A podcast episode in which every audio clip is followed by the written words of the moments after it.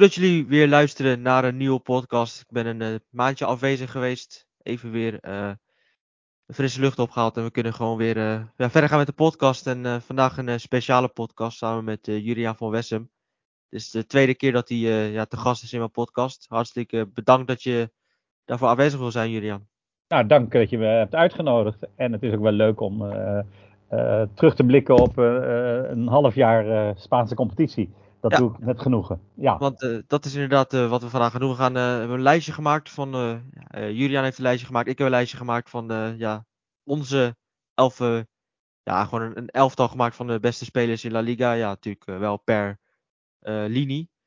Um, ja, ik zou zeggen, laten we beginnen. En jij mag aftrappen, aftrappen, Julian, met, met je keeper. Ja, um, nou ja, even vooraf, uh, dat, uh, dat moeten we ook nog even bepalen, welk spelsysteem we gaan toepassen. Nou, uh, ja. en dat laat ik graag aan jou, want jij hebt de regie daarin. Nou, maar we hebben allebei een keeper nodig, dus ja. dat klopt. nou, volgens mij heb jij zelf, zelf een lijstje gemaakt in de 4-3, in die zin. ja, of 4-4-2 kan je ook nog ervan maken, maar dan moet je de spits maar, terug laten trekken. En in ieder geval heb je vier verdedigers. Ik heb geen vier verdedigers, ik heb drie verdedigers. Maar dat maakt op zich weinig uit, want uh, dat is op zich niet heel erg, uh, is geen probleem. Um, dat kan je, in die zin kunnen we, als je gewoon jouw vier verdedigers bespreekt en mijn vier verdedigers en dan mijn vier middenvelders en jouw drie middenvelders. Dat is, in, in principe is dat geen probleem, maar ik heb, uh, zoals eigenlijk al mijn elftallen, gewoon 3-4-3. Ja, en dat snap ik, want daar wordt ook veel in gespeeld. En zeker de succesvolle ploegen die schakelen daarin om. En uh, ja, de, um, uh, misschien toch wel even heel kort benadrukken. Uh, welke ploegen zijn jou het meest opgevallen het eerste half jaar? En dan zal ik die van mij ook wel even geven. Maar, want dan snap je ook een beetje hoe we gaan, hoe we gaan voetballen. Hè? Nou, uh, wat mij opgevallen is, dat zul je ongetwijfeld zien, want uh, mijn elftal staat, staat daar, nou ik wil niet zeggen vol mee, maar uh, die spelers, de spelers van die clubs komen wel terug. Nou, Girona, lijkt me dat mm. iedereen dat opgevallen is. De, vorig ja, seizoen natuurlijk al hartstikke goed. eerste jaar terug en heel goed gepresteerd. onder Michel, wat toch, ja, komt natuurlijk een groot vriend van Guardiola natuurlijk. En uh, je ziet dat hij ook graag aanvallend voetbal wil spelen. Nou, uh, dat laten ze natuurlijk dit seizoen ook weer zien. Nou ja, ze zijn net op een haar na geen winterkampioen geworden. Dat is gewoon de. Nou, ze worden, dat, wacht even, de, de, term winterkampioen is na 19 wedstrijden. Dus dat gaat op de laatste speeldag gebeuren. En dat is best wel leuk, want dan speelt Girona thuis tegen Atletico. Eerste wedstrijd in, ik denk 3 januari. En die avond speelt Real Madrid thuis tegen Mallorca. Dat, en daar wordt de winterkampioen bepaald. In die zin kunnen we wel van uitgaan dat Real Madrid thuis van Mallorca moet winnen. Maar uh, graag gisteren natuurlijk laat die 1-1 tegengekregen uh, door Petzella. Ja. En um, ja, voor de rest Bilbao keurig op de vijfde plaats. Uh, gewonnen van Atletico afgelopen weekend. en ook die laten heel goed voetbal zien. Um, ja. En ja, Las Palmas, die na een promotie vorig jaar. Um, prachtige club trouwens. Ik ben heel blij dat ze terug zijn. Want ja, uh, Gran Canaria en die stadion is prachtig. Mm -hmm. uh, maar die laat ook heel goed voetbal zien. Ook echt een voetballende ploeg. Uh, de trainer daar die komt uit, de, uit, de, ja, uit het Barcelona-kring. Is, is, bij Barcelona begonnen. Heeft ook jaren getraind bij Barcelona. dus ja, Las Palmas. En ja, negatief toch wel Villarreal. Um, nou nee, dan zou ik toch eerder voor Sevilla gaan. Maar goed, um, ja, ik noem er nog, ik, ik noem er nog één. Sevilla was afgelopen jaar ook uh, op die manier. En Sevilla was vorig jaar ook heel matig. Dus dat is ja. in principe niet echt meer een verrassing. Maar Villarreal is toch wel nu toch wel een beetje een verrassing dat ze zo matig presteren. Nou, we komen er zo wel uh, wat betreft over. Ik moet eerlijk zeggen dat ik ze niet eens zo, zo ontzettend slecht vind. Ik vind het nog altijd het leukste voetbal in Spanje spelen omdat ze gewoon uh, combinatievoetbal spelen. En als het gaat, dan is het echt geweldig om te zien. Zoals afgelopen week weer tegen Celta. Maar ze zijn heel defensief heel zwak. Wat ik er nog wel een meevaller vind, en uh, dat mag je bijna, dat is een vloekje in de kerk, maar dat is Getafe. Die staan echt gewoon stevig in de middenmoot. En wat ze weer tegen Atletico Madrid hebben laten zien. Um, we komen over een paar spelers wel te spreken straks. Maar ik vind dat toch echt een knappe prestatie van die ploeg. En ja, de Bordalas is niet mijn meest geliefde trainer, maar hij krijgt het daar toch wel weer op de rails.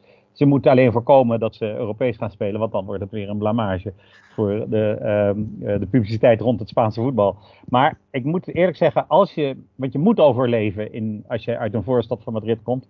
En als je dan 26 punten hebt op dit moment in het seizoen, terwijl je eigenlijk tegen degradatie speelt, dan heb je het gewoon goed gedaan. Ja, en uh, zullen ongetwijfeld spelers komen, maar als we nu nog één speler moeten noemen, sowieso Mason Greenwood. Uh, ja, nee, dat is waar. we kunnen het eigenlijk niet over hem hebben, gezien zijn nee, verleden. Nou, dan hebben we het er ook maar niet over. Maar je kan wel, we moeten wel zeggen dat hij wel een groot aandeel heeft bij Getafe vandaag de dag. En ook weer tegen Atletico was hij een van de beste, of misschien wel de beste op het veld. Ja.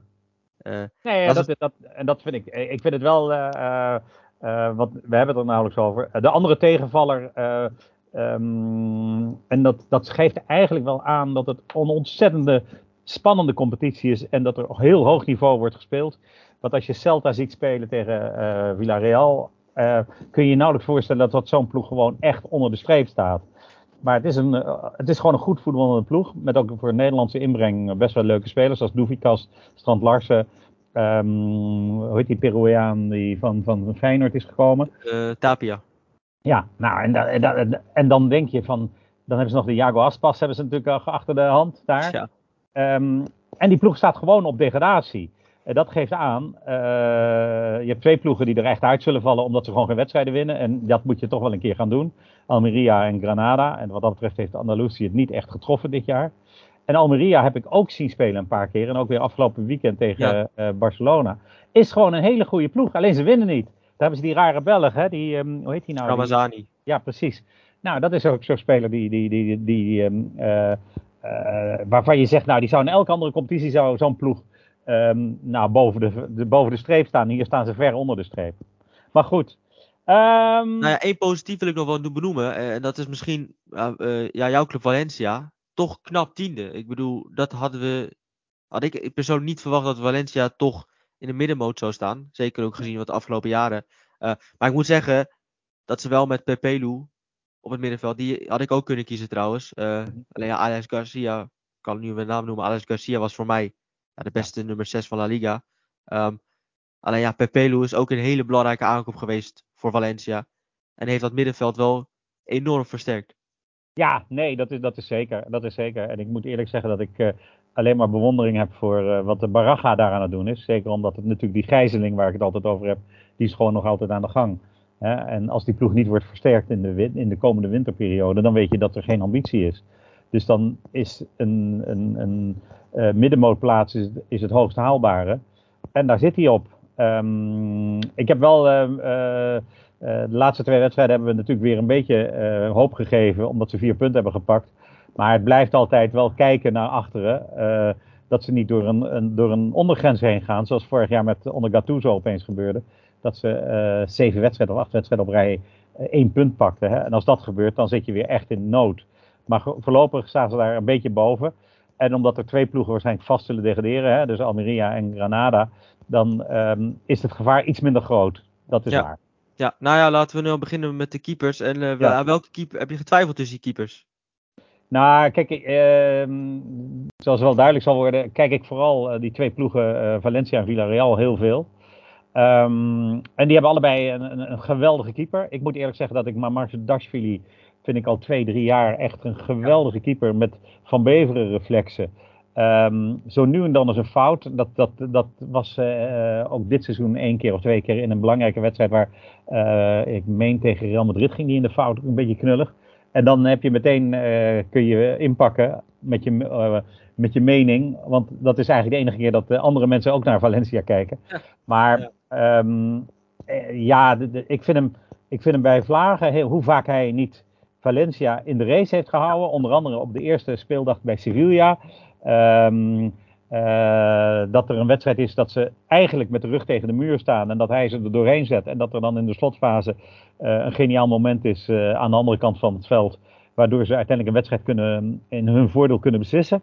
Uh, maar Mamardashvili vind ik geweldig. Ik moet eerlijk zeggen dat ik uh, Jurgensen, ja. na een moeilijke start van het seizoen, die heeft ook echt heel veel punten voor Villarreal wel gered. Dat zijn er niet al te veel, maar dat heeft hij toch wel gedaan. Dus die, die vielen mij op. En dan natuurlijk uh, meteen al van de koploper. Eén speler moet je wel noemen bij, bij um, Girona. Daar, die heb je al genoemd, die Alex Garcia. Maar ze hebben natuurlijk over de hele linie hebben ze gewoon spelers die boven hun niveau presteren. Ja. En Gazzaniga is daar ook één van. Want die keeper die haalt er ook wel een paar uit. Op de momenten dat je denkt van nou, um, kan Girona die koppositie vast te houden. En dan gebeurt er dat, dan, dan zie je dat de druk op de ploeg toeneemt. Maar dat ze daar ehm, als ploeg goed doorheen komen, maar ook dankzij een goede keeper. Ja, ja, nou ja, de coach van Mamadashvili, inderdaad, ik heb hem, ik heb hem natuurlijk in mijn elfde van de week podcast, waar ik hem ook vaak benoemd heb. hoeveel wedstrijden hij eigenlijk al niet gespeeld heeft op deze leeftijd. Want hij is nog steeds erg jong. Ja. En die heeft al ontzettend veel ervaring en ontzettend veel La Liga wedstrijden gespeeld. Ja, dat is wel, als je daarbij stilstaat, hij is dat natuurlijk wel razend knap. Ja. Ja, en, en, en, en, en, uh, en ik denk dat hij, uh, kijk, uh, Girona, daar moeten we ook niet al te moeilijk over doen. Dat is natuurlijk toch een club van de Citigroup. Dus die hebben ook een paar buitenlandse spelers in hun selectie zitten. die, waardoor die ploeg toch wel sterker is dan een normale provincieclub. Maar dat doen ze wel goed. Ik ben benieuwd of ze toestemming krijgen om in dat stadion te mogen spelen voor de Champions League. Um, en en, en, en uh, of ze überhaupt in de Champions League mogen spelen als het eigenaarschap met de Manchester City in het geding komt. Maar goed, dat, uh, uh, dat is een ander probleem. ik wilde eigenlijk nog wel één, één keeper benoemen, maar ik, ik moet heel eerlijk zeggen dat ik eigenlijk niet eens weet wie van de drie keepers ik moet kiezen van Betis. Maar wat opvalt bij Betis is dat ze heel weinig goals tegenkrijgen. Dat ze niet aan een sterk seizoen bezig zijn. Laat ik dat vooral. Maar ze hebben maar twee wedstrijden verloren. En allebei heel dik. Dus uh, negen goals in twee wedstrijden tegengekregen. En voor de rest hebben ze eigenlijk. Dus ja, volgens mij lopen ze één op één qua tegengoals. Dus uh, dan hebben ze in de andere wedstrijden maar twaalf tegengoals gekregen. Dus, uh, dat vind ik toch wel knap. En die Rui Silva, nou ja, die heeft in, ze hebben natuurlijk in de, in de Europa League hebben ze echt gefaald. En daar valt dan ook toch op dat ze niet bezig zijn aan een goed seizoen. Maar misschien weet jij wie, die, die uh, wie de kracht, de defensieve kracht van dat Betis is. Want dat valt me wel op dat ze, toen ik ja. het net ging bekijken, dat ze heel weinig uh, wedstrijden verliezen. Ik vind Petzella heel goed. En um, achterin, die was tegen Valencia ook heel goed. Ja. En die 3 overwinning. Ja, Petzella is wel, uh, de, vind ik, de leider achterin van die defensie. Mm -hmm. nou, die maakte gisteren die 1-1. Um, ja. ja, goed, dat is niet, niet zijn kwaliteit. Maar achterin is het wel een hele belangrijke speler die uh, natuurlijk uh, ja, gewoon een belangrijke speler is bij, bij, uh, bij Betis. Dus als je mij vraagt welke speler valt bij jou achterin op bij, bij Betis, ja, dan kom ik toch gauw aan bij, bij Petzella. Ja, maar het ligt dus niet aan de keeper. Want die Rui Silva die krijgt er dus vaak, soms krijgt hij er vijf om de oren. Maar hij weet er ook een paar tegen te houden. Maar ja, dat... zeker. Zeker. Ja. Zeker. Nee, ik, als ik nog. Ik, ik, kom straks op mijn eigen keeper. Maar ja, je hebt, je hebt Jurgensen genoemd. En die had ik eigenlijk eerst staan. Um, want ja, Jurgensen is eigenlijk nog jong, maar echt heel talentvol. En die heeft inderdaad Valencia in een aantal wedstrijden, of Villarreal, ja, Villarreal. in een aantal wedstrijden echt, echt gered. Ja. In een aantal hele belangrijke wedstrijden. Uh, ja, zijn reflexen en de manier hoe zijn, zijn reactievermogen is echt indrukwekkend. Um, alleen ik ben gegaan voor een keeper van Las Palmas, uh, Alvaro Valles. 26 jaar jong nog. Uh, en dat is wel een interessante keeper, want uh, hij is eigenlijk. Is hij, komt hij uit de jeugd van Betis? Ja. Toen. Um, oh, mijn serie begint uh, opeens gek te doen. En toen uh, is hij uiteindelijk um, terechtgekomen bij Las Palmas. Nou, hij is vorig jaar is Las Palmas gepromoveerd. Toen was hij achterin als doelman, was hij al heel belangrijk. Um, en dit seizoen heeft hij, ik had een statistiek gezien, was nog voor december, eind november, dat hij de meeste reddingspercentages heeft van La Liga. Mm -hmm. Op Lunin na van Real Madrid. Alleen ja, die keept niet altijd. Uh, dus dat ja. is logisch dat hij een hogere reddingspercentage heeft. Dus als je in die zin procentueel gaat kijken, heeft hij het hoogste reddingspercentage in La Liga. Ja. Uh, hij heeft alles gespeeld. En wat bij hem opvalt, is zijn reflexen. En ook weer afgelopen speelronde tegen Bilbao uit. Uh, zijn reflexen en zijn reactievermogen is erg indrukwekkend. En hij heeft ook nog geleerd, want Las Palmas is een voetballende ploeg. Heeft hij ook nog eens geleerd om met zijn voeten beter te worden en met zijn voeten belangrijk te worden. Mm -hmm. En je ziet dat hij ook 25, 30 meter voor zijn goal staat.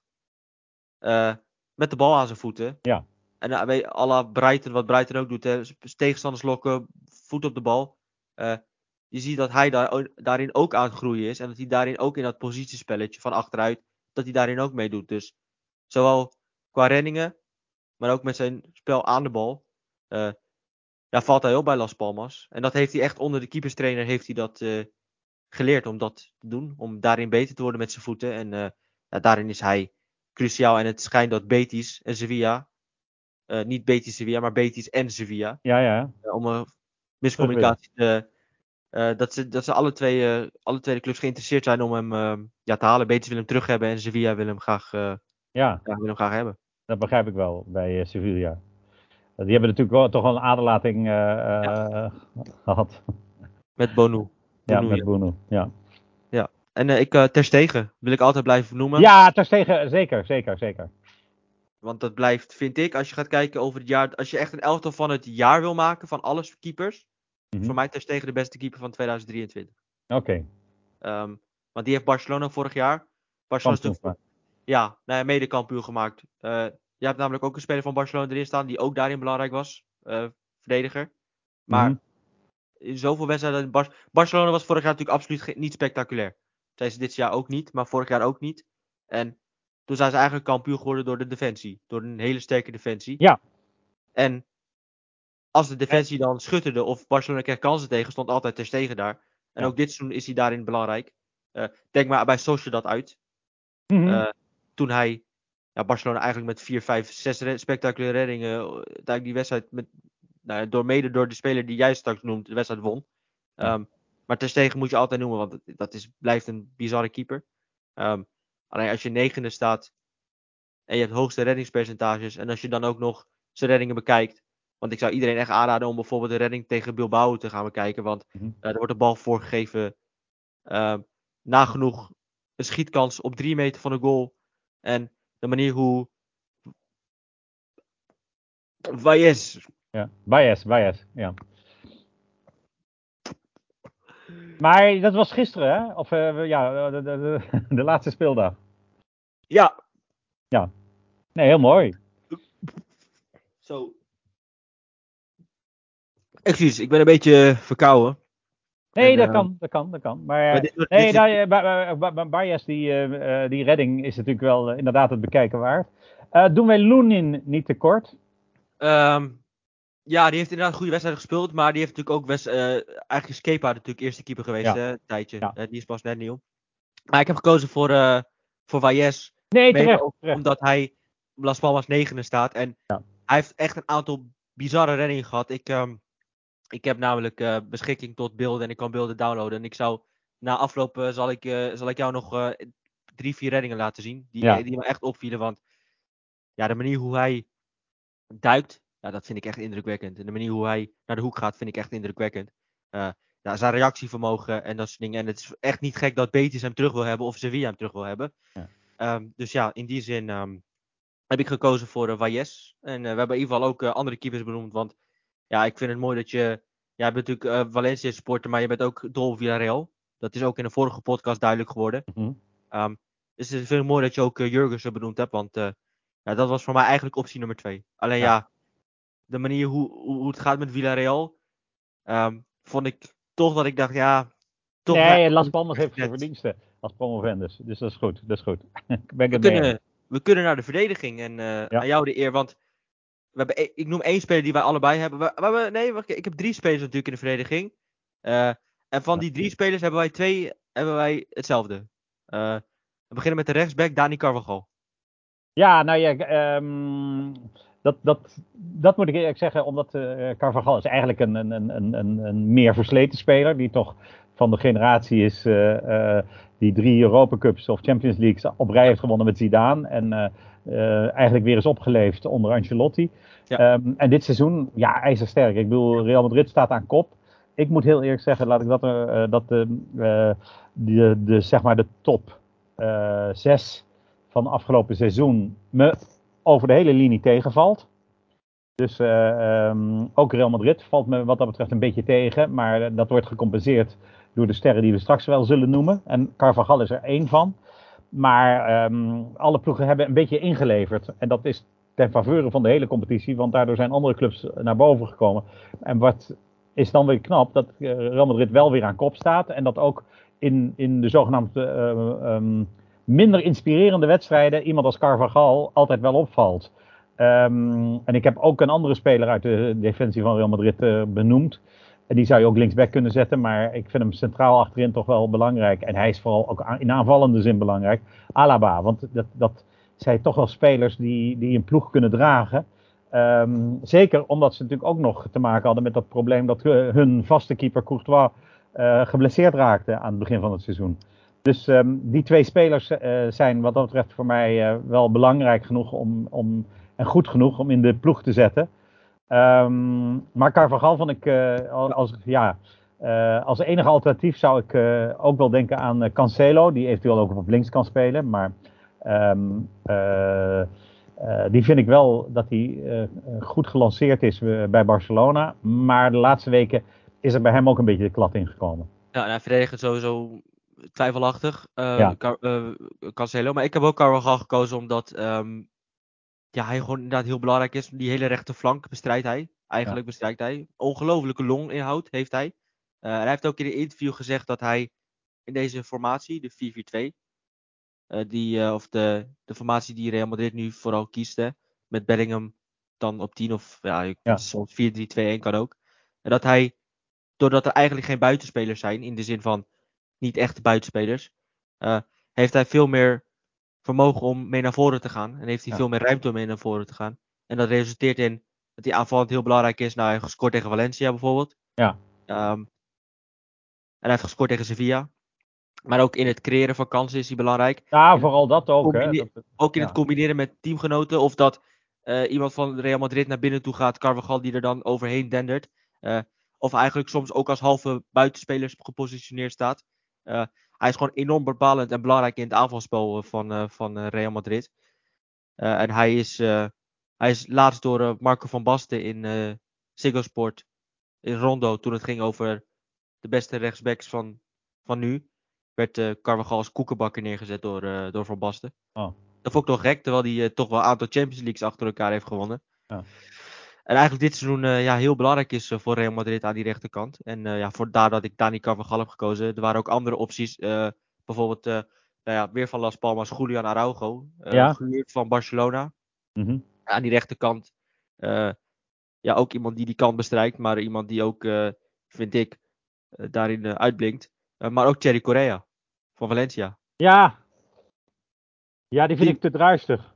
Uh, maar, de, en dat heeft hij ook weer bewezen in de laatste wedstrijd, waar hij rood tegen, tegen rood aan loopt. Ja, maar, maar, ik vind hem wel... Hij speelt wel goed, hij speelt wel goed, ja. Hij maar... goed en ik vind hem ook in verdedigend opzicht, vind ik hem heel goed. Ik vind dat hij in verdedigend opzicht wel belangrijk is. Uh, dat, nou ja, hij pakt inderdaad soms rood, maar ik vind dat hij verdedigend opzicht een aantal keren wel een belangrijke wedstrijd heeft gespeeld. En, uh, en ook, ja, hij is, hij is snel. Hij is, heeft, hij is snel, dus hij heeft ook vermogen om, als hij moet herstellen, kan hij ook herstellen. Uh, maar voor mij was Dani Carvajal wel, wel optie nummer 1. Uh, dat had ik niet zoveel twijfel over toen ik rechtsbackpositie moest invullen. Nee, nee, ik denk zelfs dat dit, wat er ook wel knap is, uh, ik denk dat Ancelotti oorspronkelijk uh, Lucas Vasquez daar wilde zetten. Hij heeft dus Lucas Vasquez uit de ploeg gespeeld.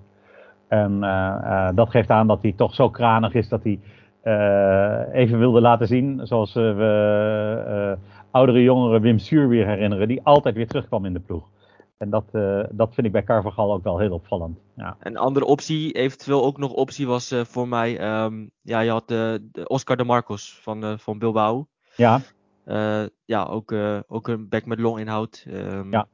En, en een omge ook... omgeturende aanvaller, hè? dat is ook wel bijzonder. Ja, ja en nou ja, die had voor mij eventueel ook gekund, maar ja, uiteindelijk was het voor mij wel duidelijk dat het Dani Carvajal was. nou, jij hebt Alaba gekozen en dat was eigenlijk de speler waarvan ik het meeste twijfel had. Want mm -hmm. ik heb Alaba. Het is niet zo dat ik wekelijks Real Madrid heb gekeken. Ja. Uh, maar ik heb bijvoorbeeld uh, tegen, tegen Sevilla en tegen Atletico gezien. Dat hij uh, bij die goals van Morata twee keer flink de fout in ging. En ja. bij die goal van Sevilla ook de fout in ging. dus ik vond hem niet dat hij niet in zijn beste fase zat. Mm -hmm. um, alleen, ja, dat, dat viel mij op. Dat was eigenlijk de enige speler waarvan ik dacht. Hmm, weet ik niet 100% zeker. Maar ja, jij hebt er een reden voor, zeg jij. En nou, ook omdat hij, uh, wat mij opvalt als het even niet loopt, uh, of niet helemaal loopt naar wens bij Real, dat als hij dan mee naar voren gaat, dat hij meteen voor gevaar zorgt en soms doorslaggevend is. En dat hij toch wel een leider is. Ik vind het wel, kijk, um, hij is misschien niet de speler, maar daar heb ik hem te weinig voor gezien bij, bij Bayern. Maar hij is wel een, gewoon een goede speler. Um, hij staat er. Dat is, dat, dat, dat, dat, uh, en ze hebben een paar problemen in die defensie. Bij, uh, nou ja, enorm. Ja. ja. Dus uh, kijk, op een gegeven moment die Camavinga moet dan linksback spelen. Dan is het wel fijn dat Alaba daar nog achter staat. Hè? Dat, dat is ja. in, da, in dat opzicht. Um, en ik had natuurlijk als romanticus had ik Daily Blind kunnen kiezen op die rol. Ja. Maar dat heb jij al gedaan. Nou nee, ik heb, ik heb veranderd nog. Ik okay. heb nog aangepast. Maar die gaan we zo zo noemen. Um, maar uh, ja, het is, het is natuurlijk wel, hij is natuurlijk wel binnengehaald transfervrij, als wel als een routinier, als leider, als uh, ervaren, ervaren speler. Die ook op meerdere posities kan spelen, als linksback, als middenvelder. Heeft die nationale elftal vaak ook als middenvelder gespeeld. Um, en uh, je hebt ook gekozen voor, ja, Julian, of uh, ook gekozen voor Ronald Araujo. Geen Julian Araujo, ja. respect. Gekozen ja. voor Ronald Araujo. Vond ik een hele sterke optie. Alleen die is ook wel een deel van zo geblesseerd geweest. Waardoor ja. ik uiteindelijk toch gekozen heb voor een andere speler. Maar, ondanks dat hij, vind ik, de laatste, de laatste weken iets minder is. Uh, wel echt bepalend achterin en cruciaal. Uh, zowel als centrale verdediger of als rechtsback als hij tegen Vinicius moet spelen. Nou ja, kijk, uh, het feit dat je, um, dat je het eigenlijk al niet meer hebt over Piqué, zegt voldoende hoe die hem heeft weggespeeld. Hè? Uit de herinnering. En ik vind het wel knap hoor. Uh, hij speelt natuurlijk door die bescherming. Uh, hij valt op, dat, dat, ook met zijn kapsel. Maar hij staat er wel. Hij is, ja. een, een, het is geen, geen uh, springhaan. Hij staat gewoon heel goed. toevallig in de laatste wedstrijd maakte hij een, wel een rare fout. Maar ik denk dat het de fout van Peña was. Die natuurlijk moet schreeuwen ja. van ik moet die bal hebben. Maar goed, dat was wel de tweede gelijkmaker van Almeria. En dat had fataal af kunnen lopen. Maar, um, en uiteindelijk heeft Peña daarna nog de zaak gered met een hele knappe redding in de slotfase. Maar Araujo, eh, ja, defensief, als ik iemand van Barcelona defensief moet noemen, dan is hij het. En, um, ja. Uh, ja. ja. nee, klopt. Um, en ja, het is gewoon een, een, een echte atleet. Hè? Uh, fysiek heel sterk. Ja. beschikt over een goede snelheid. Wat ook belangrijk is voor de centrale verdediger vandaag de dag. maar ook kopkracht. En zeker ook in aanvallend opzicht. Want er was een periode geweest, maar ook dit seizoen, maar ook voorgaande jaren dat bijna al het gevaar van Araujo kwam in aanvallend opzicht. Uh, ja. En daarin is hij wel, wel een enorme wapen. En Koeman was volgens mij nooit fan van hem. Uh, die, is, die was nooit echt fan van, van, van Araujo. Alleen hij is toch wel laten zien dat hij ja, toch cruciaal is. En ik vond Koende begin van het seizoen goed. Alleen ja. die ging ook de laatste tijd ook de fout over blessures gehad. Maar bijvoorbeeld ook uh, uit bij Granada. Mm -hmm. Tegen Brian Zaragoza ging hij, een aantal keren zat hij er niet goed bij. Ja. Uh, maar ik heb gekozen voor, uh, nou ja, Daily Blind werd genoemd. Nou, uh, Daily Blind is, we weten natuurlijk allemaal niet de snelste. En die is een verdedigend opzicht, um, ja, kan hij daarin dus in de problemen komen. Nou vind ik dat hij qua positionering vaak wel goed is. Waardoor hij een aantal keer ook belangrijk is geweest. Uit bij Barcelona was hij, vond ik echt, echt geweldig. Ja. Um, maar ja, vooral waardoor hij gaat is zijn passing. Hè? Van achteruit, we weten hoe Girona wil spelen. Daily Blind is daarin cruciaal achterin, natuurlijk. en is daarin gewoon een hele belangrijke speler. Maar ik heb gekozen voor uh, de Dani Vivian van uh, ja, Bilbao. Ja. ja. Uiteindelijk toch. Want die had ik eerst erin staan, heb ik weer uitgehaald, maar heb ik er toch weer ingezet. Um, want ja, Bilbao succes, succesvol, vijfde plaats. Um, ja, de revelatie naar Girona, laat ik dat uh, ja, voetballen ja. ook sowieso heel erg goed. Um, maar ik vind Dani Vivian, nou, 24 jaar uit de eigen jeugdopleiding. Um, nou, dat zeggen ze bijna allemaal, hè? dat is... Zij, ja, ja, ja, klopt, klopt. Ja, bij Bilbao weet je vaak dat het inderdaad, uh, of bij, bijna altijd het zo is. Ja. Um, maar ja, wat me bij hem opvalt, um, is duelkracht. Maar mm -hmm. wat hij ook heel erg heeft, is echt, echt een oude agressieve verdediger die graag doordekt, die graag op zijn man zit, uh, duels uitvecht. dat is, vind ik wel e-, een kenmerk van hem, een, een kwaliteit van hem. Maar buiten dat is hij ook gewoon in balbezit, vind ik goed. Is hij ook in balbezit uh, met zijn paasjes vooruit tussen de linies, maakt hij indruk. Uh, en ik vind hem achterin bij, uh, bij Bilbao heel erg belangrijk. En ja, hij was de afgelopen week ook weer heel erg goed. In die 1-0 overwinning tegen Las Palmas, tegen Mhm. Atletico Madrid thuis was hij heel goed. uit bij Girona was hij heel goed. Um, ik vind het een hele intelligente en, en, en slimme verdediger die ja, inderdaad uh, achterin uh, bij, bij Bilbao erg opvalt. En hij heeft laatst ook een speech gegeven. Um, en uh, dus ja, hij is wel heel erg intelligent, ook buiten het veld. En denkt over dingen na. En mm -hmm. ja, je ziet op het veld wel dat hij ja, een bepaalde soort, ja, een bepaald soort, soort speler is die graag ja, eigenlijk gewoon kort op zijn man zit. En daarbuiten als een ouderwetse verdediger ook gewoon modern is. Want ook gewoon in balbezit in het spel wat Bilbao wil spelen natuurlijk, is hij ook heel erg goed. Dus vandaar dat ik Dani Vivian achterin toch als een succesfactor zie. Ja, nee, en dat is natuurlijk toch wel bijzonder, want hij is de eigenlijke natuurlijke opvolger van Inigo Martinez daar achterin. Die naar Barça is gegaan.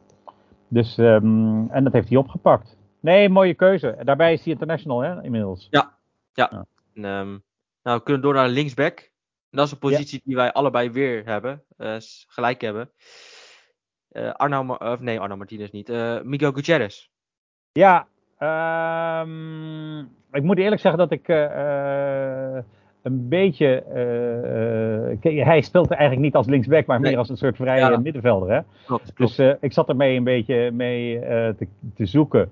een echte linksback die het goed doet, maar heeft te weinig gespeeld, is vaak geblesseerd, is Gaia. Maar die is dit jaar in dit Valencia wel een hele belangrijke speler voor die ploeg.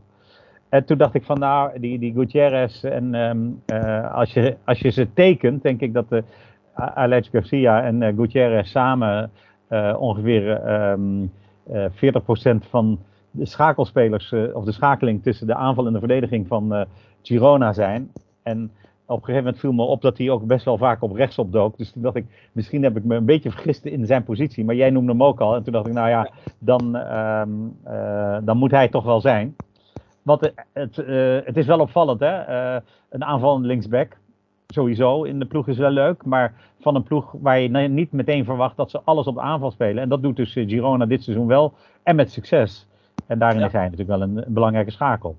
Nou ja, precies wat je zegt. Want uh, hij is, ja, weet je, zijn startpositie is linksback. Dus dan zet ik hem gewoon neer als linksback. Maar ja, hij is eigenlijk voornamelijk middenvelder. Komt natuurlijk vooral het middenveld in. En uh, de variatie waar, wat hij heeft, hè, want hij kan zowel buitenom dus gewoon overlappen. Maar hij kan ook ja. binnendoor. Wat we tegen ja. Barcelona hebben gezien. Dat hij binnendoor ging en die bal erin schoot. Nou ja, maar, daarom, bij Barcelona ging ik echt twijfelen of ik, wel, of ik hem wel als linksback moest hebben. Um, maar nee, ja, hij, hij speelt. Hij is een positie is linksback. Maar ja. bij jou kan hij bijvoorbeeld ook in het middenveld in komen. Dus dan speel je alsnog met uh, 3-4-3. Ja. Dus uh, nee, maar. Maar hij voelt ook een hele goede voorzet in huis. Waardoor hij inderdaad ook buitenom kan gaan. Nou, hij heeft ook een aantal. Hij heeft ook een assist, uh, aantal assists gegeven vorig seizoen, ook in dit seizoen. Um, maar heeft ook een aantal goede voorzetten gegeven waar gevaar uitkwam. Um, alleen, hij heeft ook een hele goede paas in de benen, waardoor hij ook het middenveld inkomt. Um, omdat hij ook goed kan pasen. Uh, ik vind het een vrij complete back, die ook nog technisch vaardig is. Dus een, ja, een speler met ja, drive, loopvermogen. Combinatie met teamgenoten, goede voorzet, uitstekende paas. Um, ik vind het een, een, geschikte speler om het middenveld in te komen. En uh, ja, dat vindt uh, Miek wel blijkbaar ook. Want uh, hij komt eigenlijk vanaf het hele seizoen eigenlijk al vanaf het middenveld. Nou ja, dat is omdat ze dat ook creëren. Hè? Dat is de kracht van een grote ploeg. Ja, dat nee, klopt. klopt. Want bijna ja. iedere grote ploeg heeft zo'n speler. Hè? Liverpool heeft dat met Trent Alexander-Arnold. City had het voor, voorgaande jaren met Cancelo heel, natuurlijk heel vaak. Um, en Girona ja, is ook een grote ploeg. Want die doen het met Miguel Gutierrez. Um, en ze hadden eigenlijk uh, ook nog, hebben eigenlijk ook nog Arnau Martinez, die ook wel een tijdje geblesseerd is geraakt. Mm -hmm. uh, ook groot talent uit de jeugdopleiding van Barcelona. Miguel Gutierrez komt van Real Madrid. Ja. En het schijnt nu al dat er best wel wat clubs geïnteresseerd zijn. Arsenal zou geïnteresseerd zijn. Nou, Arsenal met Arteta speelt ook op deze, op deze manier met backs aan de binnenkant. En Zinchenko hebben zijn vanaf linksback die naar binnen komt. dus dan zou Miguel Gutierrez zou daarin ja, perfect aansluiten bij, uh, bij Arsenal. Dus de, het is dat er ook heel veel clubs nu achter hem aan zitten. Dus, nee, maar dat is ook logisch. Dat is ook logisch. Blijft natuurlijk toch wel bijzonder um, dat Girona twee belangrijke spelers kwijtraakte voor dit seizoen. Ja. Um, uh, Romeo uh, aan, aan Barcelona natuurlijk en Terrazza aan, aan uh, Villarreal. En dat ze dan weer andere spelers vinden die daar weer in passen, dat vind ik dan wel weer knap. Ja, vooral geen, bijna, vooral voor de positie van Romeo, daar komen we straks op, geen vervanger gehaald. Ja. Um, maar andere optie voor linksback was voor mij Diego Rico. Van ja. vijf assists. Dat is waar. Dat was ook een optie. Ja. Alleen, ja, voor mij, nou, hoe blijkbaar ook voor jou, is Arno, is, is, Arno Martinez. Ik blijf Arno Martinez zeggen, omdat Ja. dat ook een ontzettend talentvolle speler is. Maar die dan aan de rechterkant eh, speelde vorig seizoen. Nu geblesseerd is geweest. Eh, maar Miguel Gutierrez was voor mij eh, ja, met afstand wel de beste linksback eh, in La Liga. Ja. Ehm, en dan hebben we onze verdediging compleet. Dan kunnen we door naar, de, naar, de, naar het middenveld. En Ja, daar blijven we even, want dan komen we meteen uit bij de speler die het meest, Ja. de grootste revelatie is. Waar iedereen heel enthousiast over is. Ajax Garcia. Natuurlijk Ja. toch wel, eh, ja.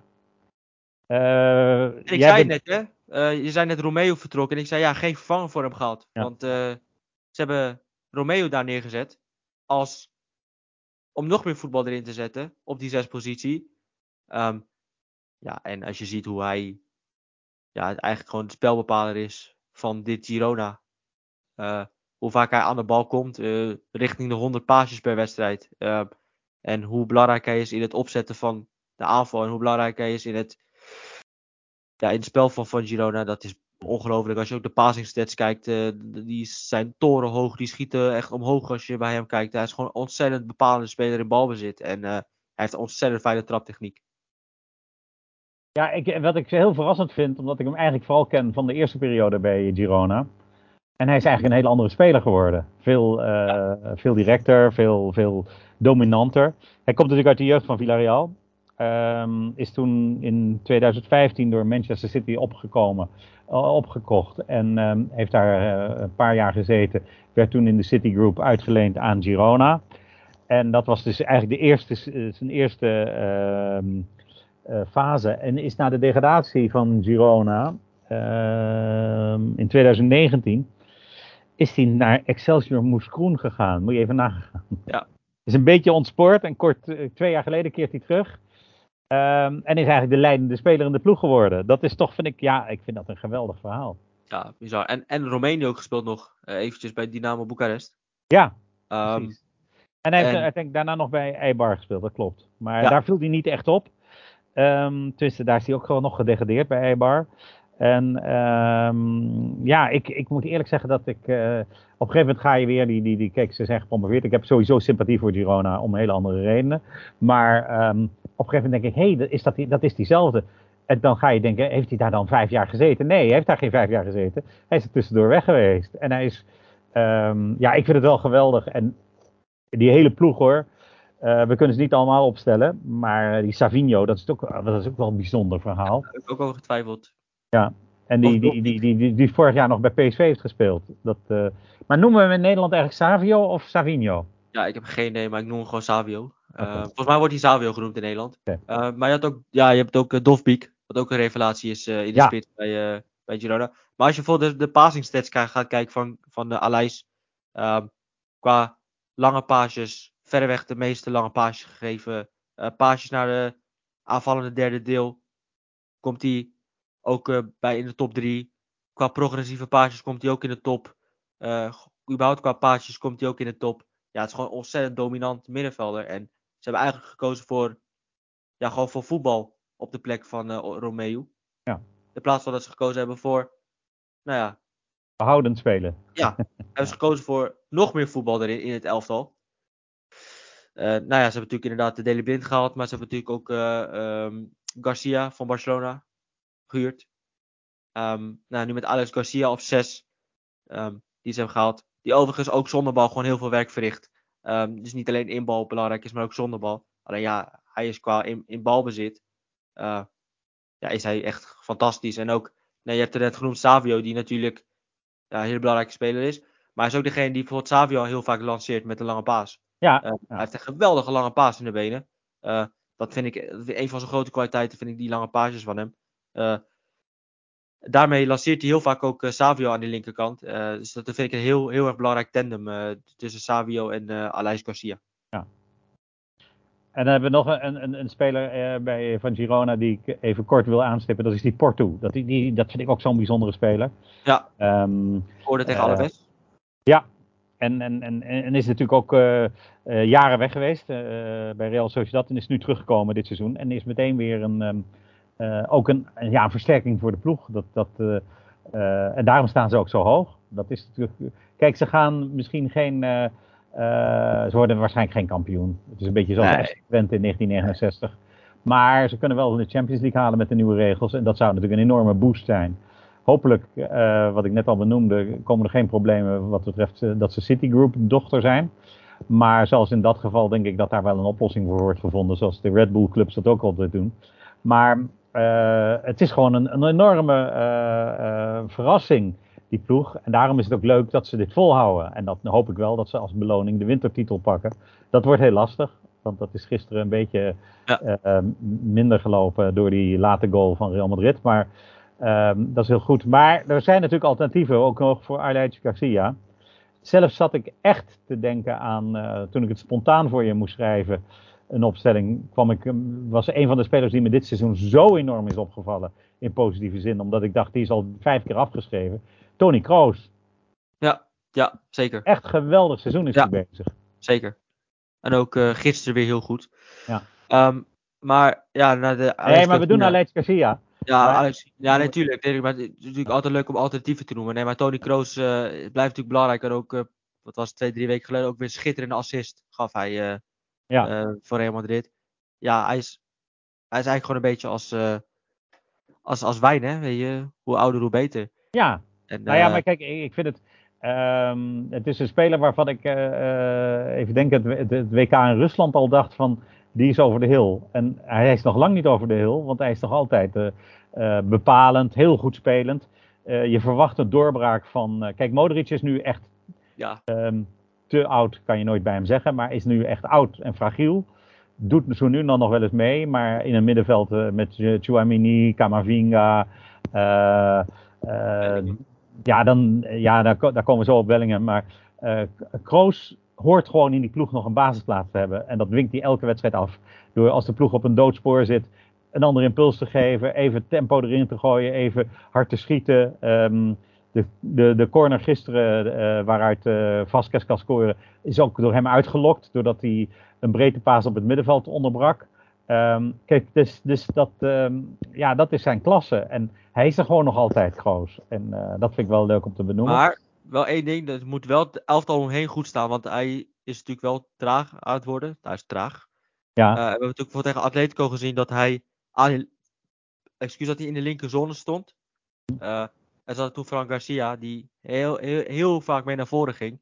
Ja. En uh, waardoor de, ja, heel veel spelers, waaronder um, Marco Llorent, heel vaak die ruimtes indook. Mm -hmm. En Tony Kroos had niet de snelheid om dat te belopen aan die linkerkant. Nee. Dus het moet wel qua elftal omheen goed staan wil hij kunnen excelleren. Maar... hij, is wel, hij speelt een beetje zoals Ancelotti speelde uh, in, de laan, in zijn nadagen van de loopbaan bij het grote Milan. Dat vind ik, en hij valt dus gewoon, blijft opvallen. Jij noemde nog een andere speler die ik dus ja. eventjes uh, erbij heb gehaald. Pepelu. Uh, ja, Pepelu kan ook, ja natuurlijk. Die benoemde ik. ja, vind ik een geweldige speler. Was vorig jaar natuurlijk bij Levante ook een geweldige speler. Dus, um, ja, want ik heb natuurlijk vorig jaar hebben we natuurlijk, bij, bij Valencia was natuurlijk vooral weet je, die Portugese, Portugese was fantastisch vorig jaar. Ja. Ja, die is een beetje van de. de die, uh, die is van de radar een beetje ja, verdwenen. Ja, en maar ik dat, weet was wel, dat was wel de enige speler. Nu heb je toch wel een beetje dat er bij, bij Valencia, nu met Pepelu erbij, Gavi Guerra, die dan nou ja, rood pakte. Maar het zit wel veel meer. Het is wel veel meer een, een, een, een, geheel geworden nu bij Valencia. Met ja. Pepelu erbij, die het eigenlijk toch wel een beetje de scharnier is van dit Valencia. Die zowel zonder bal belangrijk is, want je gaat kijken naar aantal verover, verover, ballen veroveren, staat hij hoog. Ja. Uh, maar is ook belangrijk in balbezit. Ja. Bijvoorbeeld met die schitterende voorassist uh, tegen Bilbao uit. Met die schitterende lange paas. Mm, ja. Die gaf waar die 2-2 uitkomt. Hij is gewoon heel cruciaal op het middenveld. Ja, en hij, en hij neemt ook nog wel de strafschoppen. Is dus de opvolger van Soler. Ja. En dat doet hij dus ook heel goed. Ja, Almeida bedoelde je, hè? De André Almeida. Ja, Almeida. Ja, ja, die is wel, is wel een beetje van de radar verdwenen. Um, ja, en ik weet niet wat er precies is gebeurd met hem en Baraga. Maar dat zal er zeker mee te maken hebben. Uh, er is natuurlijk op het middenveld wel wat weggegaan. Die Moussa is ook weggegaan. Uh, en uh, ja, daar, dat moet ik eerlijk zeggen. Dat zijn die vijf jonge talenten die onder uh, Baraga zijn doorgebroken. En Gavi Guerra is, ja, dat is de lieveling van mij geworden. Na die prachtige goal vorig seizoen tegen Valladolid. Waardoor ze uiteindelijk erin zijn gebleven. Dus um, ja, en, en, um, maar... Uh, ja, ik, uh, er was de, de, speler die ik bedoel was uh, Kivian Rodriguez van Las Palmas. Ja, um, dat is mijn speler die in ja. staat meteen. Ja. Nou, En we kunnen, we kunnen, Wat we ik gaan heel er zo bijzonder vind is, eh, toen jij hem benoemde, ben ik hem echt even gaan eh, zoeken. Hij schiet vooral uit de tweede lijn, snap ik. En dat eh, is natuurlijk heel belangrijk. Hij is natuurlijk in de combinatie heel goed. Hij eh, bekroont het spel eigenlijk van, eh, van Las Palmas. En wat mij opviel, maar dat weet jij beter waarschijnlijk, is hij is volgens mij teruggekomen van een zware blessure. Hij heeft eh, kanker gehad. Jaar- vorig jaar is hij, eh, heeft hij eh, een erge ziekte gehad. En hij heeft gelukkig hersteld. Maar hij is een beetje uit de relatie geweest doordat hij ja, eigenlijk gewoon een zware, ja, gewoon een tumor had. Of ja, Mhm. hij had geen tumor trouwens, was geen tumor. Ehm, maar hij had, een, hij had wel kanker, waar hij tijd van moest herstellen. Maar als je ziet hoe belangrijk hij is. Eh, nou, we hebben natuurlijk vaak benoemd Las Palmas, voetballend elftal. eh, wil graag voetballen. eh, en daarin is hij gewoon cruciaal. Want hij heeft een geweldige trap, maar is heel erg bepalend in balbezit. En is eigenlijk gewoon de, de spelbepaler van deze ploeg. Ja, Buiten dat hij inderdaad dus ook doelpunten maakt. Nou ja, van afstand doelpunten kan maken. Dan maakte laatst een prachtig doelpunt voor Las Palmas van afstand. Eh valt hij v- van mij vooral op in balbezit. Eh, hoe makkelijk hij voetbalt en hoe makkelijk hij de bal rond gaat, laat gaan. En hoe makkelijk hij eigenlijk Las Palmas aan het voetballen krijgt. Eh, vind ik hem eigenlijk snap ik ook wel, want ja, niet heel veel spelers zullen, of heel veel mensen zullen Las Palmas kijken. Maar ik vind hem wel erg onderbelicht eh, qua speler, want Las Palmas doet het heel goed. Maar ik vind Kieran Rodriguez vind ik een van de beste middenvelders in La Liga dit seizoen. Nou, eh, wat het nadeel van Las Palmas is dat ze op hele rare tijdstippen spelen. Waarom weet ik eigenlijk niet. Maar ehm, eh, eh, laat ik zeggen in courante tijden. Of eh, tegelijkertijd met een andere wedstrijd. Maar ik heb ze te weinig gezien. Maar ze vielen me enorm op in die wedstrijd tegen Villarreal. En toen was ik ook wel benieuwd hoe ze dat deden. Want ze hadden tegen Valencia een beetje pech gehad. Dat was een wedstrijd die Valencia won met een penalty van Pepelu in het begin van het seizoen.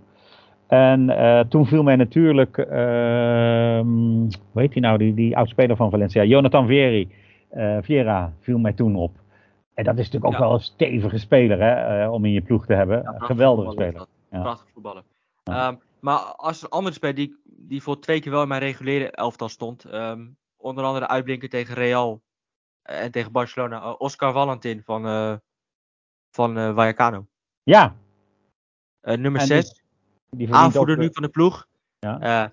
En zonder bal, cruciaal. Echt een agressieve speler die in verdedigend opzet heel belangrijk is met ja, veroveren van ballen, inzetten van tackles. Eh, dat is wel, vind ik, eigenlijk al twee jaar lang een hele belangrijke middenvelder voor, eh voor Vallecano. En eh cruciale speler die nu aanvoerder is geworden. Ehm, en eigenlijk onmisbare speler is op het middenveld van Vallecano. Dat vond ik ook wel een speler om, om te benoemen. Ja, en in, in die ploeg zit ook nog, die, die viel mij een beetje op, maar Alvaro Gar- Garcia. Ja. Ehm, Ja, eh, en en Rayo is natuurlijk, Rayo stelt een beetje teleur qua resultaten, maar is altijd wel leuk om te bekijken. Eh, niet alleen vanwege dat gekke stadion, maar ze spelen best wel aantrekkelijk en brutaal voetbal. Dus de, Ja, alle, eh, Garcia aan de linkerkant en eh Easy Payazon aan de rechterkant. De, Ja. Een beetje de, de, de Spaanse Arjen Robben. Ja, ja. Eh, de nou, enige tegenvaller eh, daar is Raúl de Thomas. Moet ik, dat, die moeten we wel even benoemen, want dat is natuurlijk, die is gehaald om doelpunten te maken. Die heeft volgens mij nog niet gescoord dit seizoen. die was heel goed eh, bij eh, Espanyol. Ja, Samen- maar daarvoor ook. Daarvoor bij eh, Rayo was hij geweldig. En eh, ik weet niet wat er met hem is gebeurd, maar eh, hij was opeens de duurste speler. die, volgens mij heeft hij nog even bij Porto gespeeld of zo. Maar ehm, die, die, die, die, oh nee, bij Benfica. Bij Benfica. Benfica. Ja. En, Ja, eh, jij, hebt, jij hebt namelijk gekozen voor eh, de volgende. Jij hebt gekozen natuurlijk voor Frenkie de Jong. Die eh, een tijdje geblesseerd is geweest. Maar wel terecht is dat hij in je elftal staat. Want hij is, vind ik wel, als hij speelt, de beste speler van Barcelona. ja, niet, niet altijd hoor. Maar eh, Vaak wel. Eh, welke wedstrijd was hij? Maar hij, eh, kijk, daar was moet ik dan om lachen. Want eh, ehm, ik, ik, had zat te kiezen tussen Gundogan, die ik wel in het begin van het seizoen heel goed vond spelen. Maar die is ook een beetje teruggevallen. Maar is aanvallend wel belangrijk. En bij Frenkie, nou ja, neem ik maar even de wedstrijd tegen Valencia als voorbeeld. Geweldige paas waaruit gescoord wordt. Hè? Ja. Ehm, eh, maar ook schuldig aan de tegengoal. Want hij laat Hugo Guillamon gewoon lopen. Ja, het is zo met Frenkie wel. Ik moet wel zeggen dat ik vind dat hij daarin wel aan het verbeteren is. Want bijvoorbeeld uit bij Atletico, of thuis tegen Atletico Madrid had hij een geweldige blok. Bij een schot van Griezmann.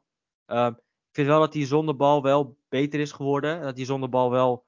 eh, Nee, maar hij is natuurlijk, hij is natuurlijk een geweldige speler. Het enige, enige kritiek die ik op hem heb, ehm, is dat ik hem vaak te bleek vind. Dat hij, ehm, en dat komt misschien omdat Xavi dat van hem vraagt. Maar Xavi zou hem als Xavi moeten gebruiken en niet als, uh, als Busquets, denk ik. Maar goed.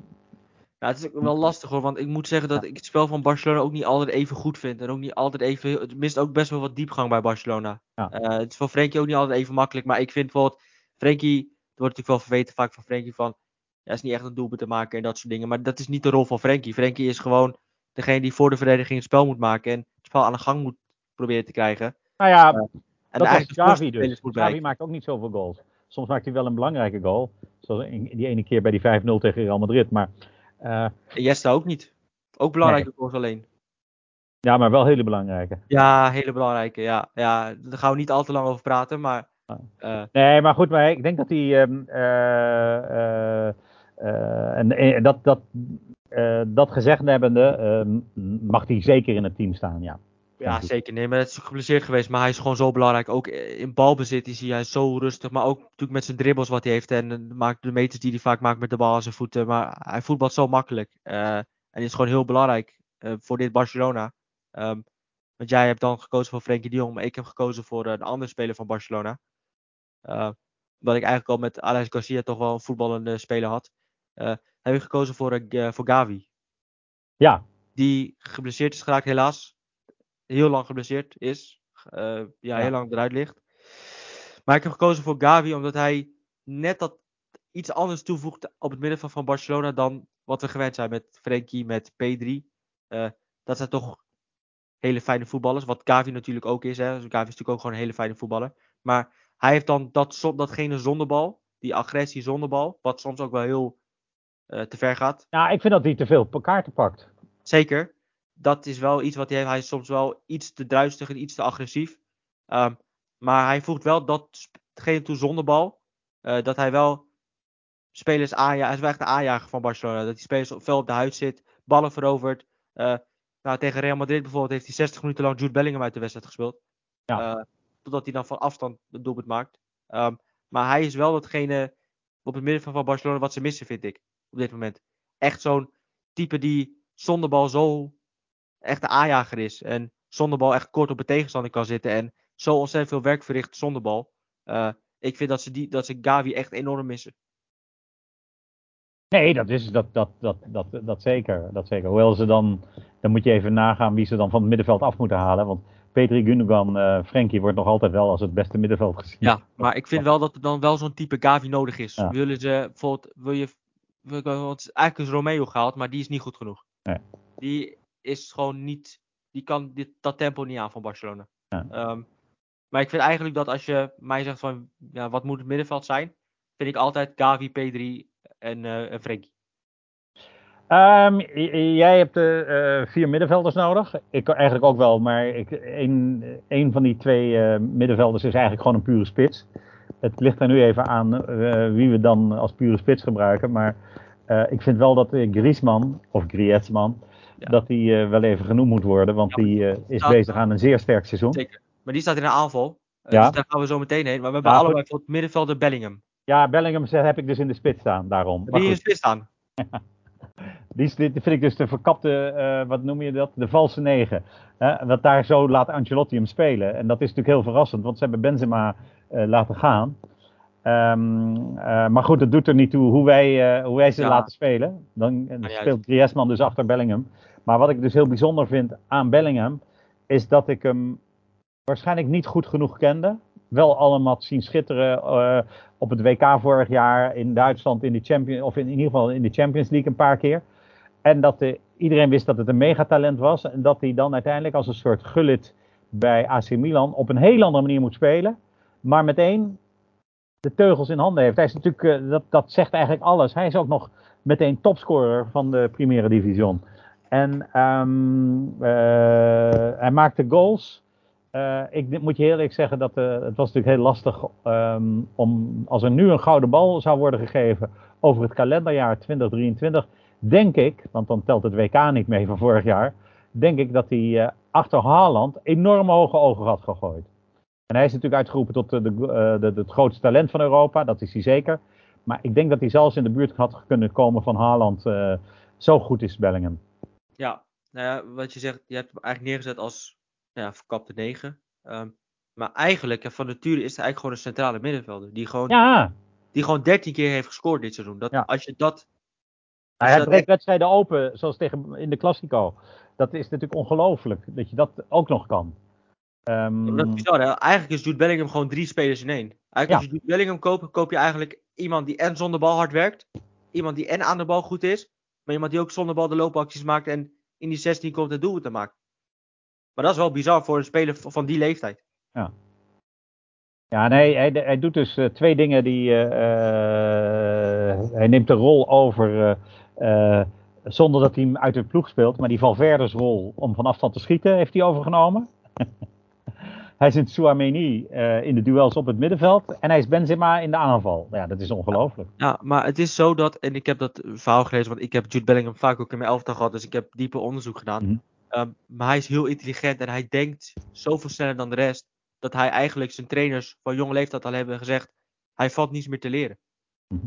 Want hij weet het al. Omdat hij zo snel dingen oppakt. Hij heeft op een gegeven moment ook tegen de trainer gezegd: trainer, in de jeugd bij Birmingham. Ik wil centraal achterin spelen.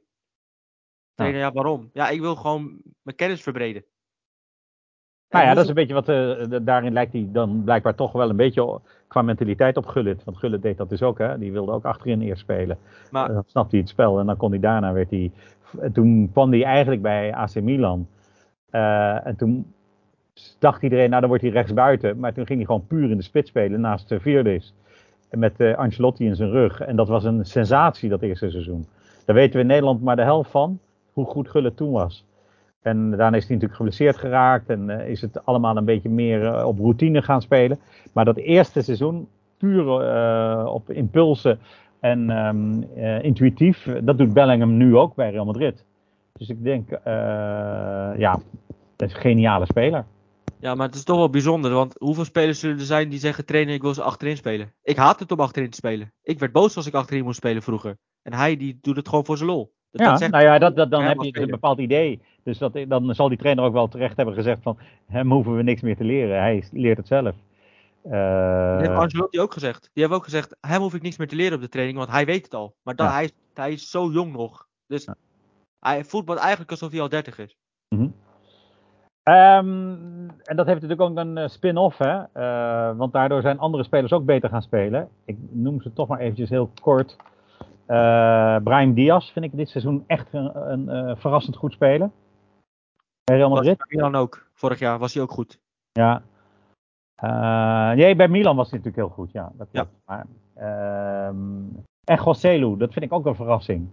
En of dat dan komt door de aanwezigheid van Bellingham. Maar het zijn twee spelers die in ieder geval als reserves aan het seizoen zijn begonnen. En eigenlijk als twaalfde man. Maar toch best wel hun, hun rol hebben gepakt bij de koploper.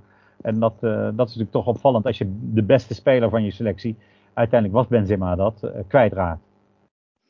Ja, we kunnen door naar de aanval, want je noemde hem net Antoine Griezmann. Vind ja? ik persoonlijk, als je mij persoonlijk vraagt, vorig seizoen sowieso de beste speler in de Liga. Heeft hij er ook prijs voor gewonnen. Beste speler van de Liga vorig seizoen. Ja. Maar ik vind hem behoren tot de top drie beste spelers ter wereld.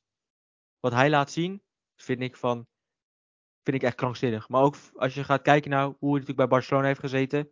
Hoe hij daar eigenlijk verguisd is. Dat hij daar eigenlijk aan de linkerkant werd neergezet. Terwijl dat eigenlijk helemaal... Hij heeft natuurlijk bij Sociedad op die positie gespeeld. Als linksbuiten. Maar ik vind hem het beste als hij, net zoals bij Frankrijk, in een vrije rol mag spelen. Ja. En dat, daarin is hij het beste. Want hij is, op papier is hij spits. Nou, vaak samen met Morata dan. Uh, maar hij speelt eigenlijk achter Morata. Uh, als een soort, ja, nou, wat is 9,5? Uh, nou ja, alles, daarom, alles, daarom had ik hem eigenlijk achter de twee spitsen gezet. Maar um, ik vind hem dus meer een aanvallende middenvelder geworden. En dat is in Frankrijk valt dat natuurlijk makkelijker op, omdat hij dan Giroud, uh, Mbappé en uh, Colo Moani en altijd, of Dembélé altijd voor zich heeft. Hè. Um, maar hij is natuurlijk uit de tweede spits. Hij weet in het hart te komen. Um, zoals hij die wedstrijden besliste tegen eh, Oranje uh, in maart. Uh, het, is, het is natuurlijk een bijzonder goede speler. Bij de top 3 denk ik zou je hem wel kunnen zetten, maar dat is altijd uh, krap, hè? Ja, Mbappé ja. hoort daar eigenlijk ook in, maar hoort Mbappé er nu in de vorm die hij bij Paris Saint-Germain laat zien, hoort hij er nog in? Ja, natuurlijk hoort hij erin. Maar, um, dus dat, dat, is, dat vind ik, maar hij is natuurlijk wel een van de allerbeste spelers. Om hem de beste speler van La Liga in dit seizoen te noemen, uh, gaat me net wat ver. En dat zal ik je uitleggen.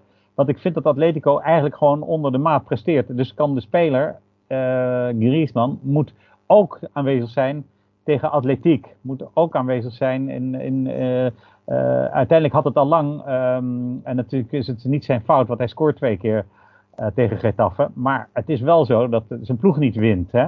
Dus je snapt mijn probleem daar. Ja, ik snap het wel. Maar, hij scoort. Hij, hij is nu de, de topscorer aller tijden. Hij heeft Luis Aragones, die jij je alleen als coach misschien herinnert. Maar was ook een fantastische speler. Heeft hij nu geëvenaard.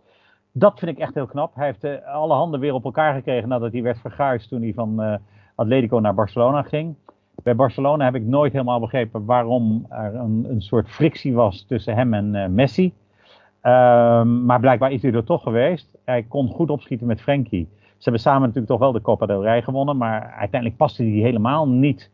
Uh, of voelde zich niet helemaal thuis bij Barcelona. En heeft het weer opgepikt. En hij is nu inderdaad geweldig bezig in een ploeg die niet geweldig bezig is. Dat moet ik er wel bij zeggen. Nee, maar als je dan zo presteert in een ploeg wat niet geweldig bezig is, uh, dat ja. vind ik dat nog knapper. Maar het is zo dat inderdaad, uh, hij was eigenlijk toen hij terugkwam, het eerste seizoen eigenlijk ook niet zo goed. Toen hij net terugkwam van Barcelona. Nee. Uh, toen had hij ook problemen. Hij is eigenlijk pas gaan draaien sinds... Um, nou, sinds hij weer mag voetballen.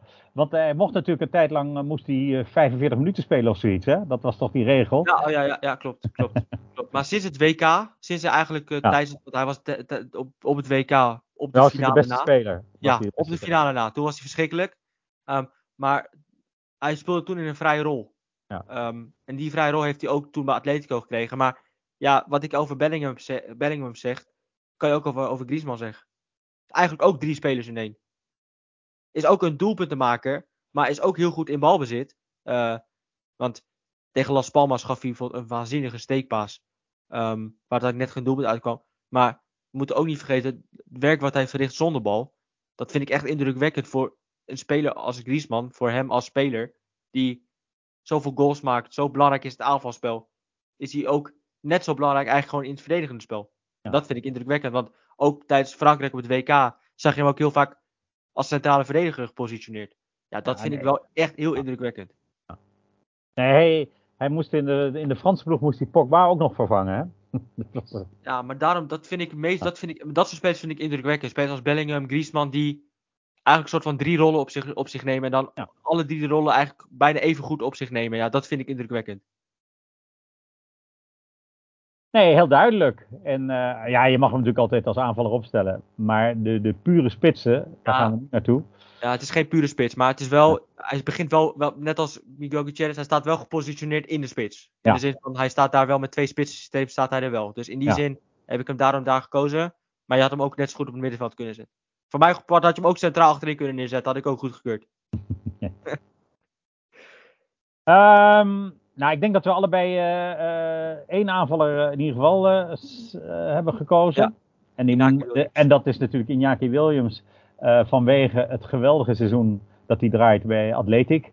Ehm, ik, ik moet eerlijk zeggen dat ik steeds meer van hem onder de indruk raak. Hij was natuurlijk vooral die, die opvallend donkere speler bij eh Atletic in de afgelopen jaren. Die bijna elke wedstrijd, zo niet elke wedstrijd speelde. Want volgens mij heeft hij er 180 op een rij gespeeld. Hè?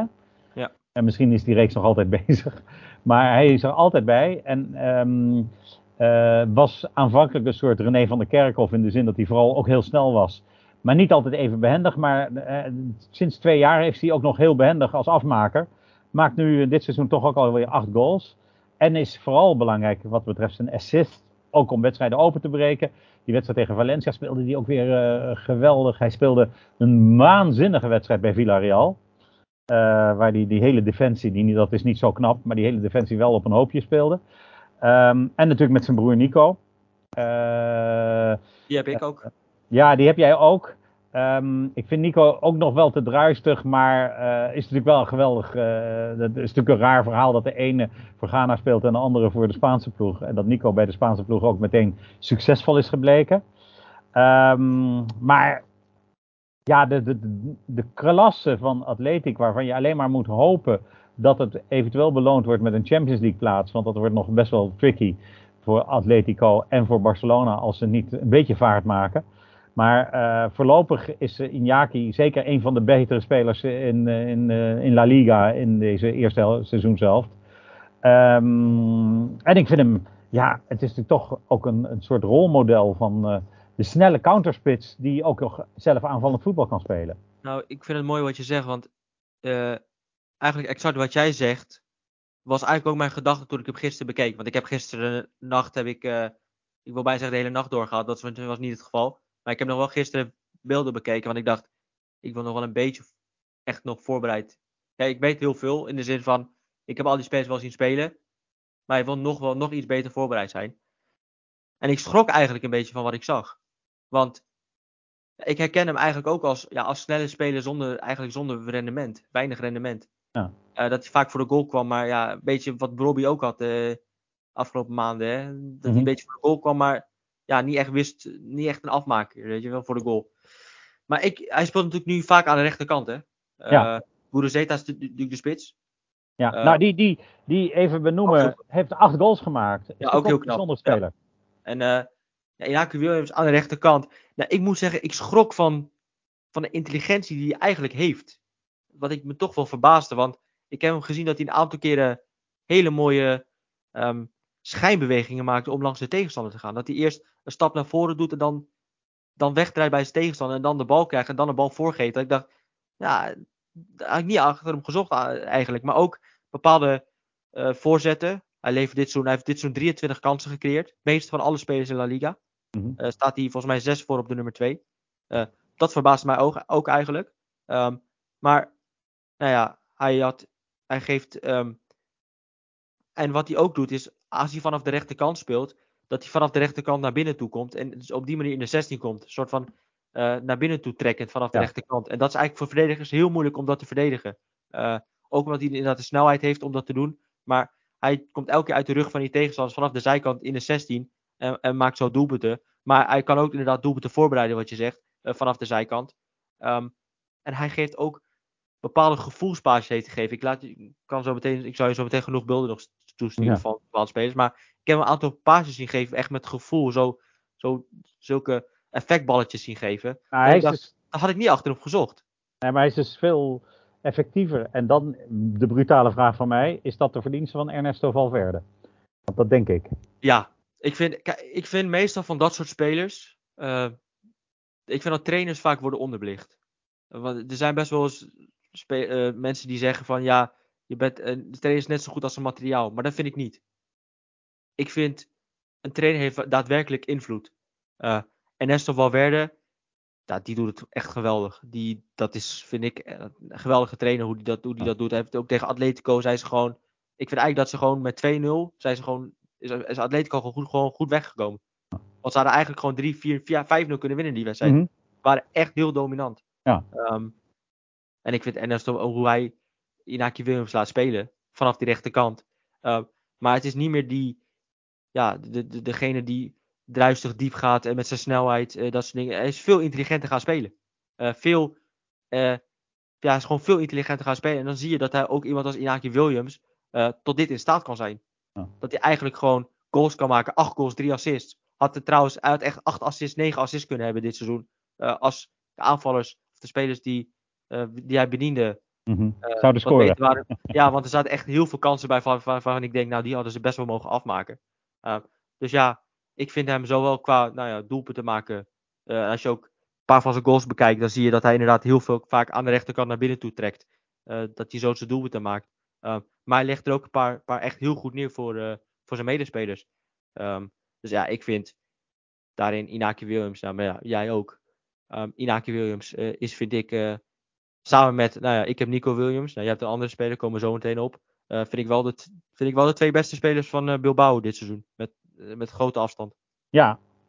Nou ja, uh, en met Bibian natuurlijk, hè? Of uh, Vivian. ja, daar is Vivian achterin. Ja, ja, zeker. Zeker, zeker. Nee, maar uh, in de zin van. In de aanvallende zin? In aanvallende zin. Um, moet natuurlijk ook Gruzeta niet vergeten, want acht goals is natuurlijk heel knap wat hij, wat hij daar presteert. Um, Maar als we nog even doorgaan op de spitspositie, want jij wilde ook nog Borja Majoral. Uh, 14 ja, ik heb er een paar. Ik heb er, ik heb er, ik heb er een paar. Maar uh, in de ploeg zoals ik hem nu heb opgesteld, omdat we natuurlijk een valse negen hebben in de vorm van of Griezmann of uh, Bellingham. Ja. Uh, wilde ik eigenlijk een, een, een, snelle, een andere snelle aanvaller die ik echt goed vind spelen. Bijna minder wordt benoemd dan Vinicius. Maar ik vind Rodrigo wel heel essentieel in deze ploeg. Zeker, Zeker de laatste weken, laatste ja. maand, twee maanden. Ook in de Champions League, maar ook in La Liga. Nou, tegen Cadiz uit bijvoorbeeld. ja. ja, maar die heeft ook tijd nodig gehad in dit systeem om te wennen. Want die was begin van het seizoen ook, weet je, ook, Vinicius heeft ook, ook niet helemaal in vorm, vind ik. Uh, Vinicius heeft ook wat meer problemen dit seizoen. Uh, ik vind Rodrigo namelijk dit seizoen echt beter dan, dan Vinicius. Ja. Um, nee, ik, ik, ik, dat is voor mij een andere reden om ook uh, Vinicius niet, niet te nemen en Rodrigo wel. Maar goed. Um, is dat, ehm, dat te maken met dat Valencia gebeuren? Ja, natuurlijk. Het, ja. toneelspel. wat, wat mijn zinziens totaal uit de hand is gelopen maar door provocatie van Vinicius. En hij is natuurlijk een provocerende speler. Dat mag hij zijn hoor, als hij maar goed is. Um, en dat is hij vaak. En ik sta ook te applaudisseren voor hem. En natuurlijk uh, hebben beide partijen hebben wat daarover te zeggen. Al blijft het wel intimidatie van de tegenstander met racistische ondertoon. Wat misschien net zo erg is, maar fundamenteel iets anders is dan puur racisme. Maar um, Vinicius heeft heeft daarover duidelijk, heeft toen duidelijk het Valencia publiek uitgelokt in de eerste helft. En um, heeft toen de volle laag gekregen. En had toen eigenlijk, had ik het wel op prijs gesteld als hij zelf had toegegeven dat hij de zaak had geprovoceerd. Want dan, oké, okay, dan hoort het bij het spel. Maar Rodrigo vind ik wel effectiever dit jaar. En, Zeker. Um, en ik, laat ik heel eerlijk zeggen, hij heeft die bescheiden rol genomen. Ehm, zowel in de nationale ploeg als bij Real Madrid, dat hij accepteert dat hij eigenlijk de tweede viool is, maar toch de kwaliteit heeft om de eerste viool te spelen. En met Kroos achter hem natuurlijk is dat natuurlijk uh, uh, wel fijn, uh, dat hij heel vaak in de diepte wordt gespeeld en dat hij ook in combinaties heel goed is hè, met Camavinga. Maar ik vind hem dat hij het wel verdient. Maar er zijn drie spelers die ik wel even wil benoemen als spitsen, omdat die natuurlijk, we hebben de Dovbik hebben we al benoemd, hè, Artem ja. Voor mij een totaal onbekende speler uit Oekraïne. Maar bleek dat hij toch bij Midtjylland had gespeeld. Dus dat, uh, dat zegt dan wel iets over hoe er gescout wordt door uh, Girona. Maar er is een andere speler die mij opviel. Hij kwam het veld op bij Villarreal. En ik denk, um, dat is een type, ja, een soort type Bobby. Samu Omaradian van Alaves. En ja. is helemaal niet um, een geweldige spits, maar levensgevaarlijk. Ook voor zijn ploeggenoten. Met zeker ook uh, in combinatie met Kike Garcia. Komt hij zo vaak gevaarlijk voor het doel. En hij weet er dus een paar in te prikken. En dan natuurlijk uh, de speler die eigenlijk van Getafe een, een, een, een, sensatie heeft gemaakt. Borja Majoral, die we natuurlijk toch kennen. Mm, toch deels mislukt eigenlijk. Ook bij AS Roma onder Mourinho. En nu al 12 goals gemaakt. Maar wat ik heel opvallend vind, hij is de, de, de topscorer wat betreft openingstreffers. Zeven openingstreffers voor zijn ploeg. En heel veel winnende goals. En daarom staat uh, Getafe zo hoog op de ranglijst. En we herinneren ons dat Getafe heeft altijd wel met uh, Bordalas spitsen gehad die ook irritant konden zijn. Dat is uh, Borja Majoral niet. Maar die altijd effectief waren. Hè. Dijverson was er één van.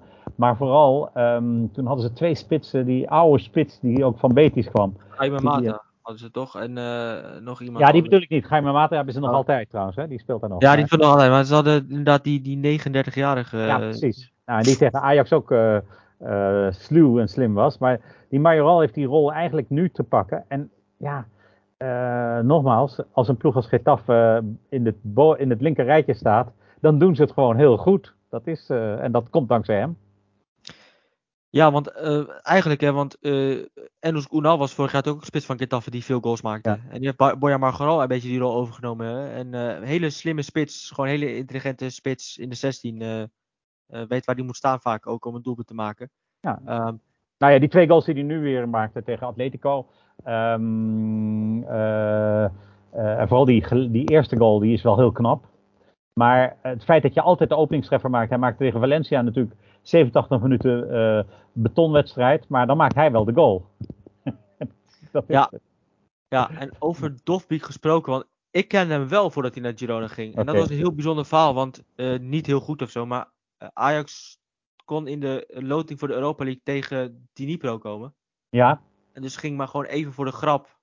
Gewoon even wat, wat laatste, een paar laatste wedstrijden van Dnipro kijken. En toen viel mij een speler op. Dat was Artem Dovbik. Mhm. En eh, twee weken later was hij, werd, hij on- on- werd hij getekend door Girona. Toen dacht ik, oh, Ja.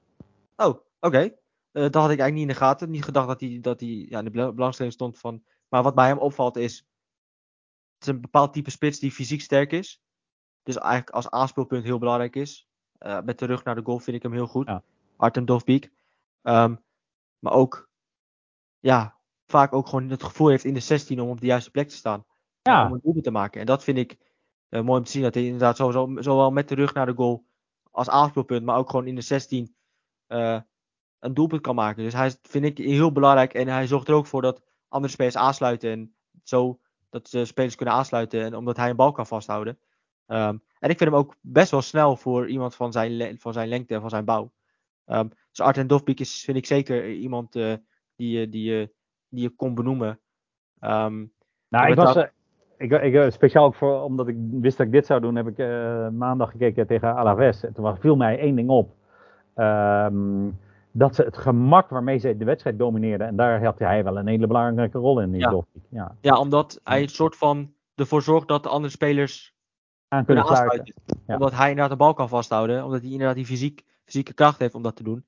Eh, ik ben ondertussen aan het kijken naar eh, of, ik die, eh, of ik die speler kan vinden. eh, van jou. Maar als we gaan kijken naar. eh, ik, Nou, nou, er is nog één speler, dat is mijn guilty pleasure al heel lang. Dat mag. Dat mag. eh, maar die is, die is echt invaller. Maar als supersub in de spits, uh, Stuani.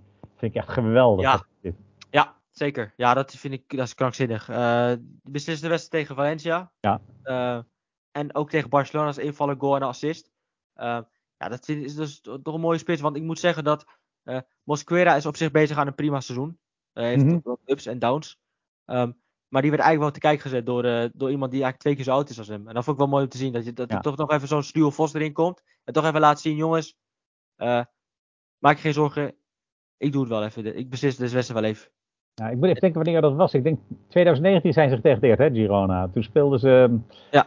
tegen Rayo Vallecano. En eh, toen kopte de Esportiu, want toen was ik in, toen was ik in Girona.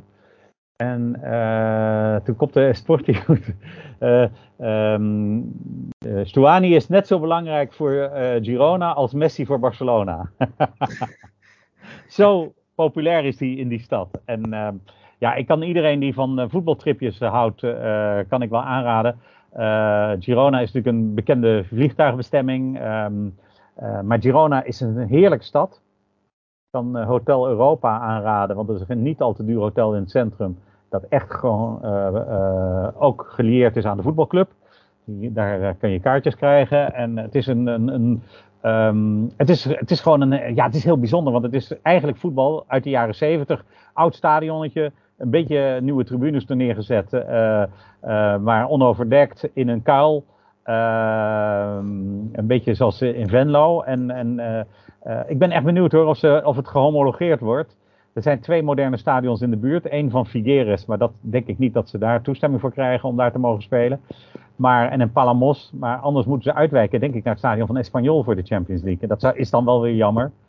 En Girona zelf is natuurlijk de verzetshaard van ehm, het Catalaanse eh, separatisme. Nog veel meer dan Barcelona. En eh Puigdemont, die dus eh, nog altijd wacht op amnestie om weer terug te keren, is een echte supporter van Girona. Dus die kijkt elke week met plezier naar de ranglijst als hij ziet dat zijn ploeg boven Real Madrid staat. Ja, en als ik nog een speler moet benoemen, of twee spelers nog, Alvaro Morato, Morata. Ja, Die, natuurlijk. Helemaal eh, opgeleefd is eh, dit seizoen, ook in de Champions Ja. League heel goed, maar ook in La Liga. Eh, en een speler van jouw club, Hugo Duro. Ja, ook- dat vind ik een geweldige speler. ehm, omdat hij heel veel werk verzet. Omdat hij heel veel werk verzet. En, en altijd ook ondankbaar werk. Hè. Je hebt een paar spelers uit de jeugd. Nou ja, die, ik, ben, ik ben zelf Javi Guerra. eh, ehm, dat is voor mij toch wel het talent van het jaar geworden. Omdat hij natuurlijk toch dingen laat zien waarvoor je eh, naar het stadion gaat. Maar ehm, hij speelt natuurlijk tussen die, die, die ehm, eh, Diego Lopez en Fran Perez. Hè. En, en, en krijgt niet altijd de ballen die hij moet krijgen. Gelukkig nog wel eens van Pepelu. Maar hij is inderdaad eh, dit seizoen ja, meer doelgerichter. En dat komt natuurlijk ook, en daar ligt natuurlijk de irritatie bij het Valencia-publiek, dat, dat je dan op het laatste moment haal je dan nog die Jaremchuk, die ik echt nog niet goed genoeg vind voor. Uh, en uh, uh, die, ja, die, die ploeg die, die, die hangt als loszand aan elkaar. En dan heb je nog Kanos, die eindelijk een keer heeft gescoord bij Rayo, maar wel een lekkere goal. Um, en dat, dat, dan is het heel moeilijk. Ja, en ben je vaak de eenzame spits. Hè? Zeker in thuiswedstrijden in Mestalla verwacht je dat je meer meer kansen krijgt. Maar hij doet het wel goed. Hij doet het wel goed. Ja, zeker. En omdat ik met het werk verzet, dat viel me ook op. Maar ook gewoon goed in positie kiezen in de 16. Nou, dat is er één speler die ik wel wil benoemen. Omdat hij natuurlijk een geweldige maand achter de rug heeft. Sinds uh, Marcelino bij Villarreal terug is. En dat is uh, Morales. Dat is uh, commandant. Ja. En vooral die wedstrijd tegen Osasuna was hij geweldig. Ja vond ik ook wel dat hij koning van de week bij de Vrienden van Hartgras moest worden. Maar goed, hij maakte zo'n geweldig doelpunt dat het waarschijnlijk niet eens in Nederland heeft bereikt. maar um, uh, en Gerard Moreno maakt natuurlijk, blijft natuurlijk wel zijn doelpunten maken. Ja. Maar is, is ja, en mijn, in, mijn, in mijn elftal zou ik eigenlijk ook Parejo, want dat is elke wedstrijd is dat genieten. Als hij, soms verspeelt hij knullig de bal en dat is dan de inleiding voor een nederlaag. Maar hij is toch vaak genoeg ook de matchwinner, zoals vorige week bij Ren. Um, uh, en Parejo samen met Capoe, dat is natuurlijk. Uh, ja, dat, dat, dat, dat, dat is wel genieten voor de liefhebber. En wat ik het leuke, daarom blijf ik Villarreal wel leuk voetbal vinden, is dat ze gewoon geen vechtvoetbal spelen, maar ook als het misgaat, gewoon blijven combineren, blijven combineren. En zoals die goal van um, Pedraza tegen Rayo, dat is dan zo'n doelpunt uit het boekje. Dat je over zes schijven eh, en uiteindelijk is linksback vrij en die maakt het dan af. Maar dan komt er een groot probleem, omdat het in de zomer door Setien niet echt hard is getraind, dat ze heel veel fysieke problemen hebben gekregen. En veel spelers zijn kwijtgeraakt, die Pino, Pedraza nu weer. Um, uh, en ze zijn natuurlijk een paar spelers kwijtgeraakt, Chukwueze, uh, Pau Torres vooral. Uh, en die Jackson, die naar Chelsea is gegaan, waar hij geloof ik een hat heeft gemaakt tegen Tottenham. Ja. Was dat zo? Ja, nou. En toen kreeg ik van iedereen te horen dat hij er zes had moeten maken. Daar hebben ze 120 miljoen voor geïncasseerd voor die drie spelers. Maar ze hebben er eigenlijk niks voor teruggehaald. En dat is, uh, dat is een beetje jammer. Uh, maar dat is ook het gevolg van uh, dat je niet te duur wil inkopen als, als Villarreal. En eigenlijk had ik die uh, Dia teruggehaald bij Salernitana. En dat hebben ze niet gedaan. Dat is wel jammer, want die spits Zo'n spits misten ze nog een beetje. Die Brereton is wel lief. Die had natuurlijk nooit afgekeurd mogen worden. Dus een goal bij Sevilla.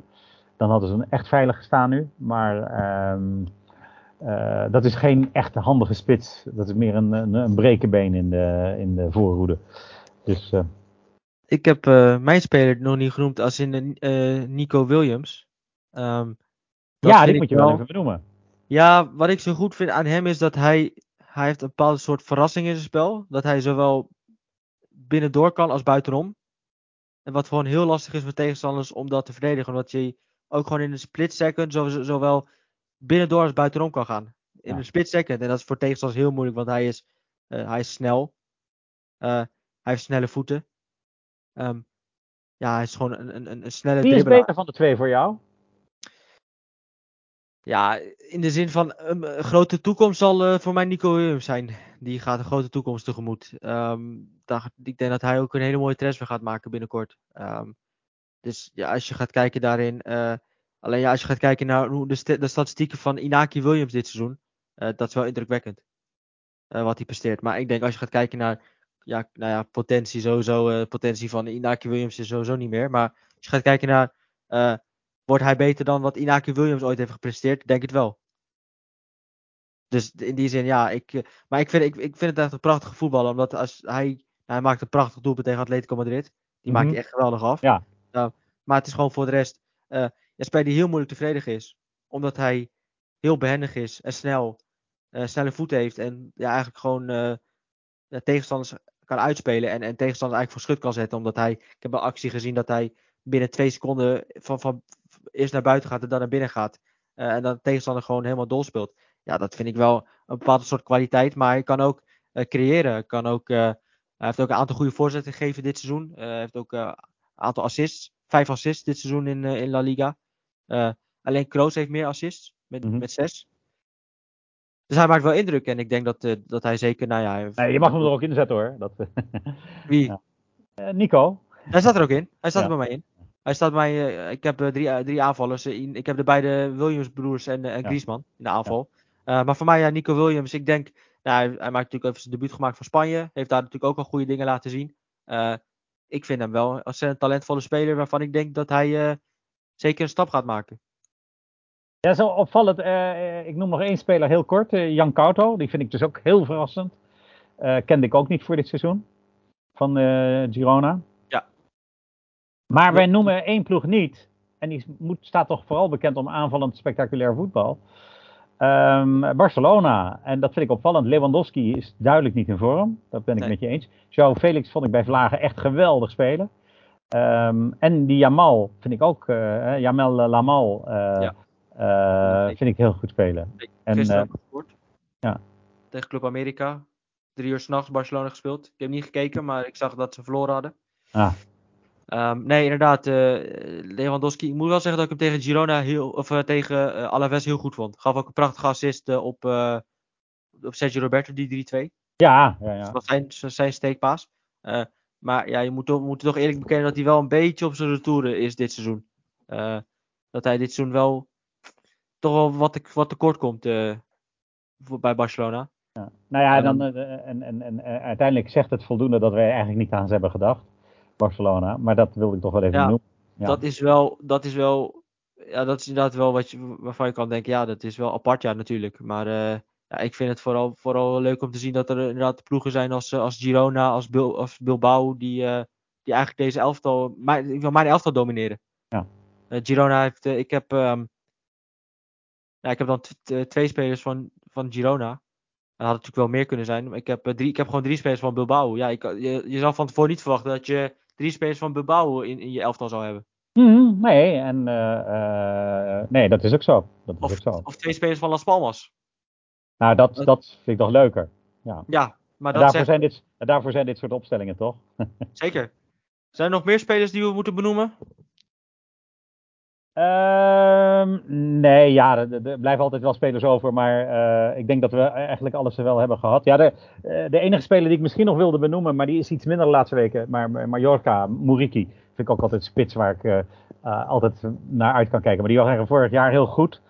En ehm eh, Osasuna, Budimir, en, eh, Osasuna is dit jaar ook een tegenvaller. Natuurlijk die vroege uitschakeling in Europa. Ja. Twaalfde Dat is jammer. plaats. Ja.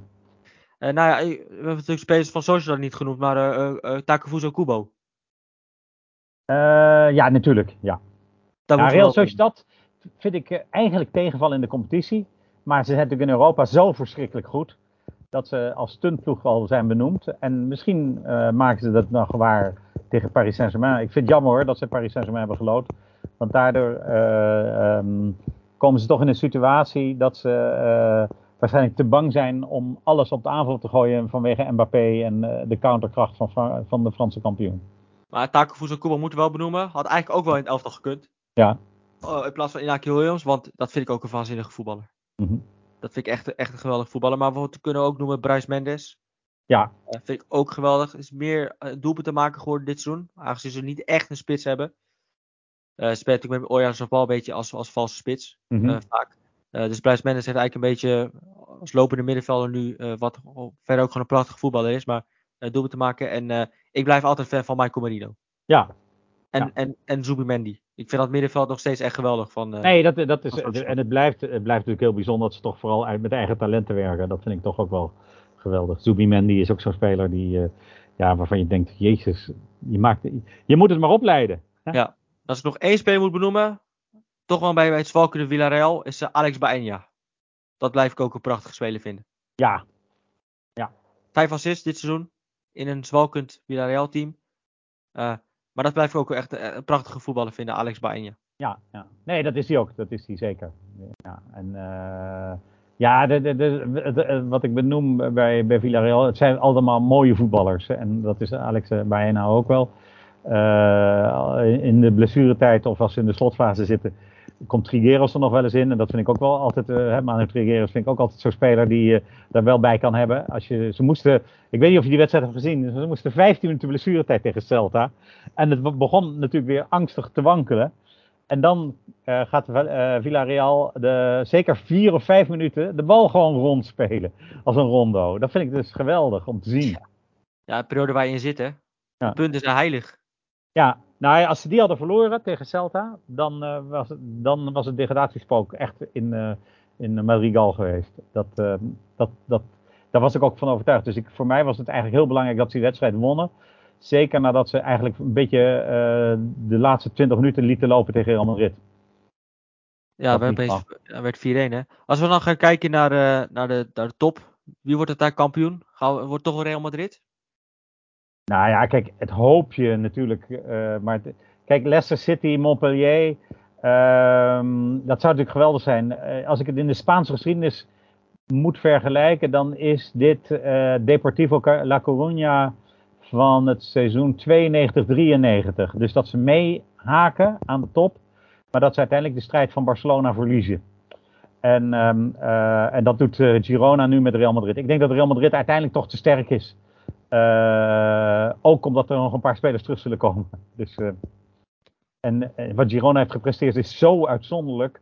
Dat het, het gaat op een gegeven moment mis. Misschien kan je dat seizoen herinneren met Real Sociedad. Dat Real Sociedad tot aan de kerst aan kop stond. En toen ook opeens de, de derby verloor van Atletic en daarna ging haperen. En op het moment dat Girona gaat haperen, dat is wat Real Madrid dan niet heeft. Die, die winnen wedstrijden en Girona speelt gelijk en is daar niet ontevreden mee. Girona heeft een voorsprong van 10 punten op Atletic. En ik denk dat dat heel belangrijk is, want ze willen gewoon Champions League kunnen halen.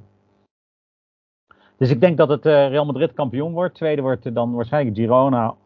Of, maar dan moet Barcelona echt aan een inhaalrace gaan beginnen. Um, en ook niet overtuigend dat je niet denkt, die zullen Girona even inhalen. Zeven punten is nog steeds een hoop. Nee, daarom. Zeven punten is een hoop. Maar met, in het geval van Girona zijn vier gelijkspelers en acht punten. Hè? Dus um, dat, dat, Barcelona kan wel een serie van zes overwinningen op rij boeken. Dat bedoel ik eigenlijk te zeggen.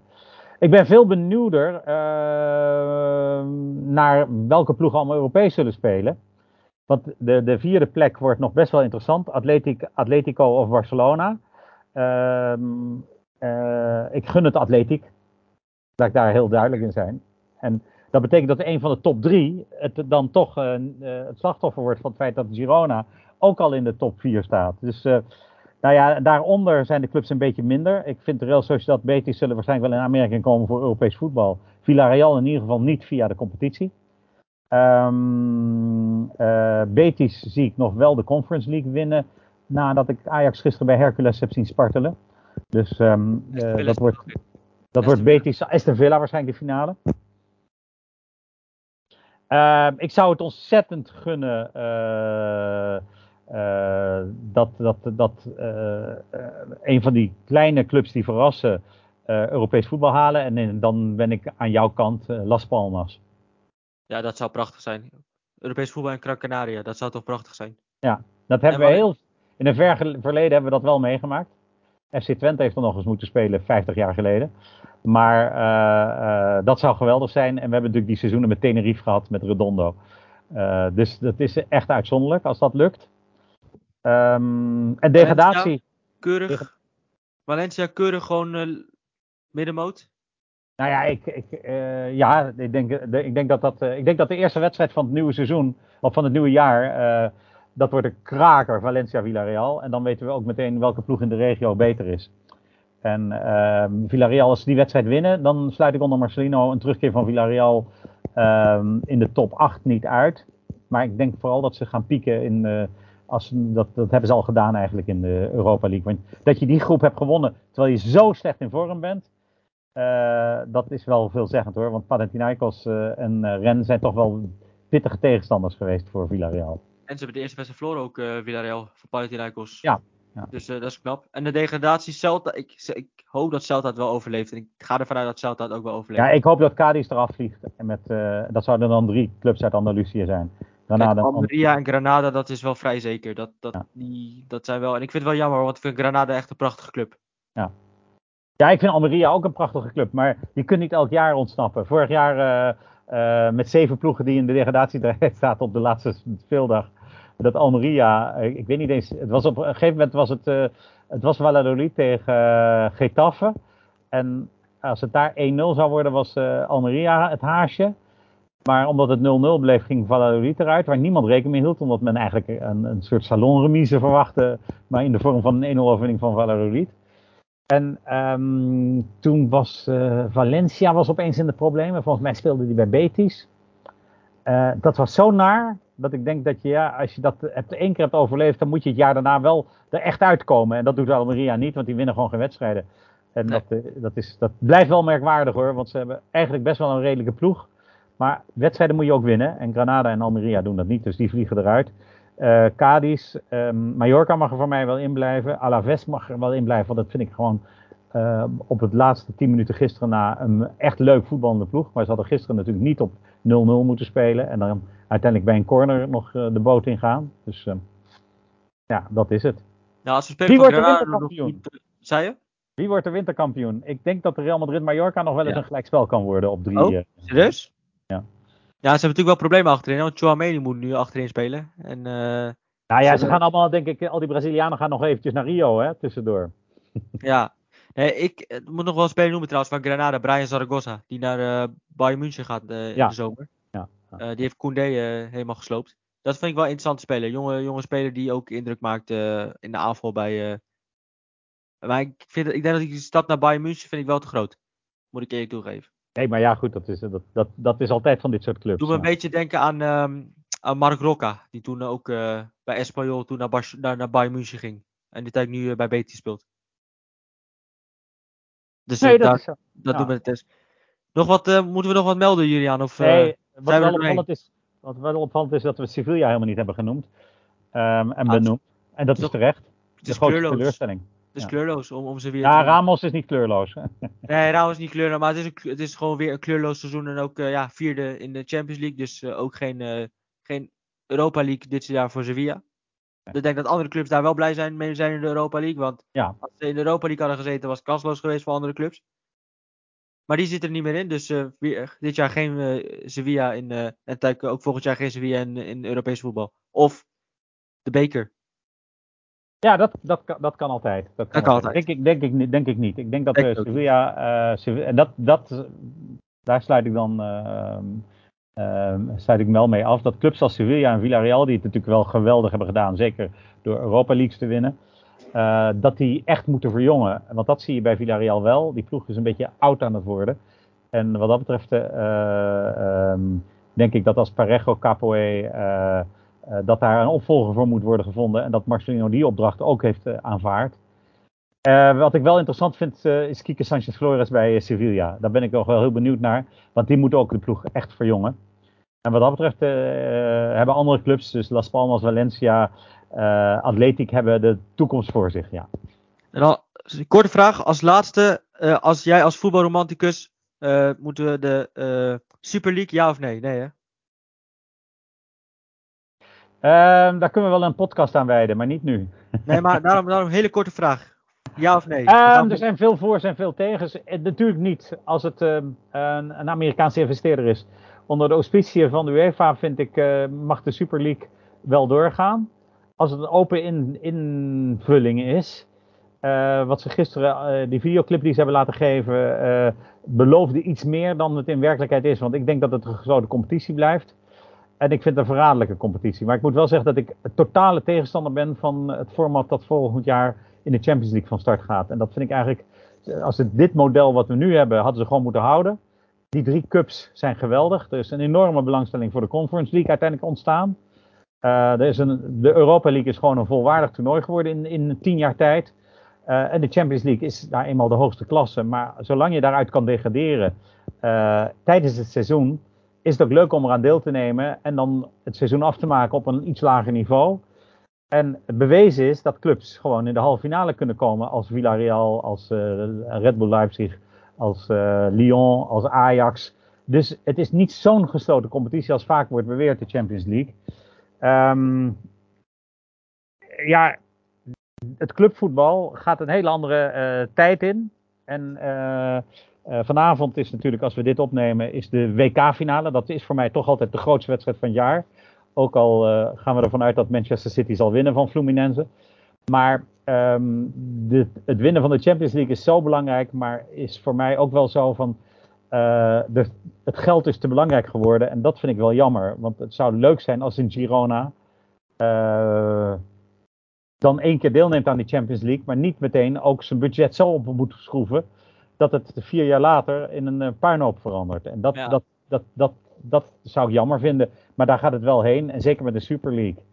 Uh, en dat betekent ook dat je één minder jaar van Ajax kan betekenen dat Ajax vijf jaar achterop raakt. En dat, dat is eigenlijk te veel van het goede in die Super League. Ja, maar er zijn natuurlijk heel veel clubs die het al hebben afgezegd. Hè? Uh, City, Paris hebben bijvoorbeeld ook al afstand van gedaan. Dus die kans dat het komt is wel, wordt wel kleiner.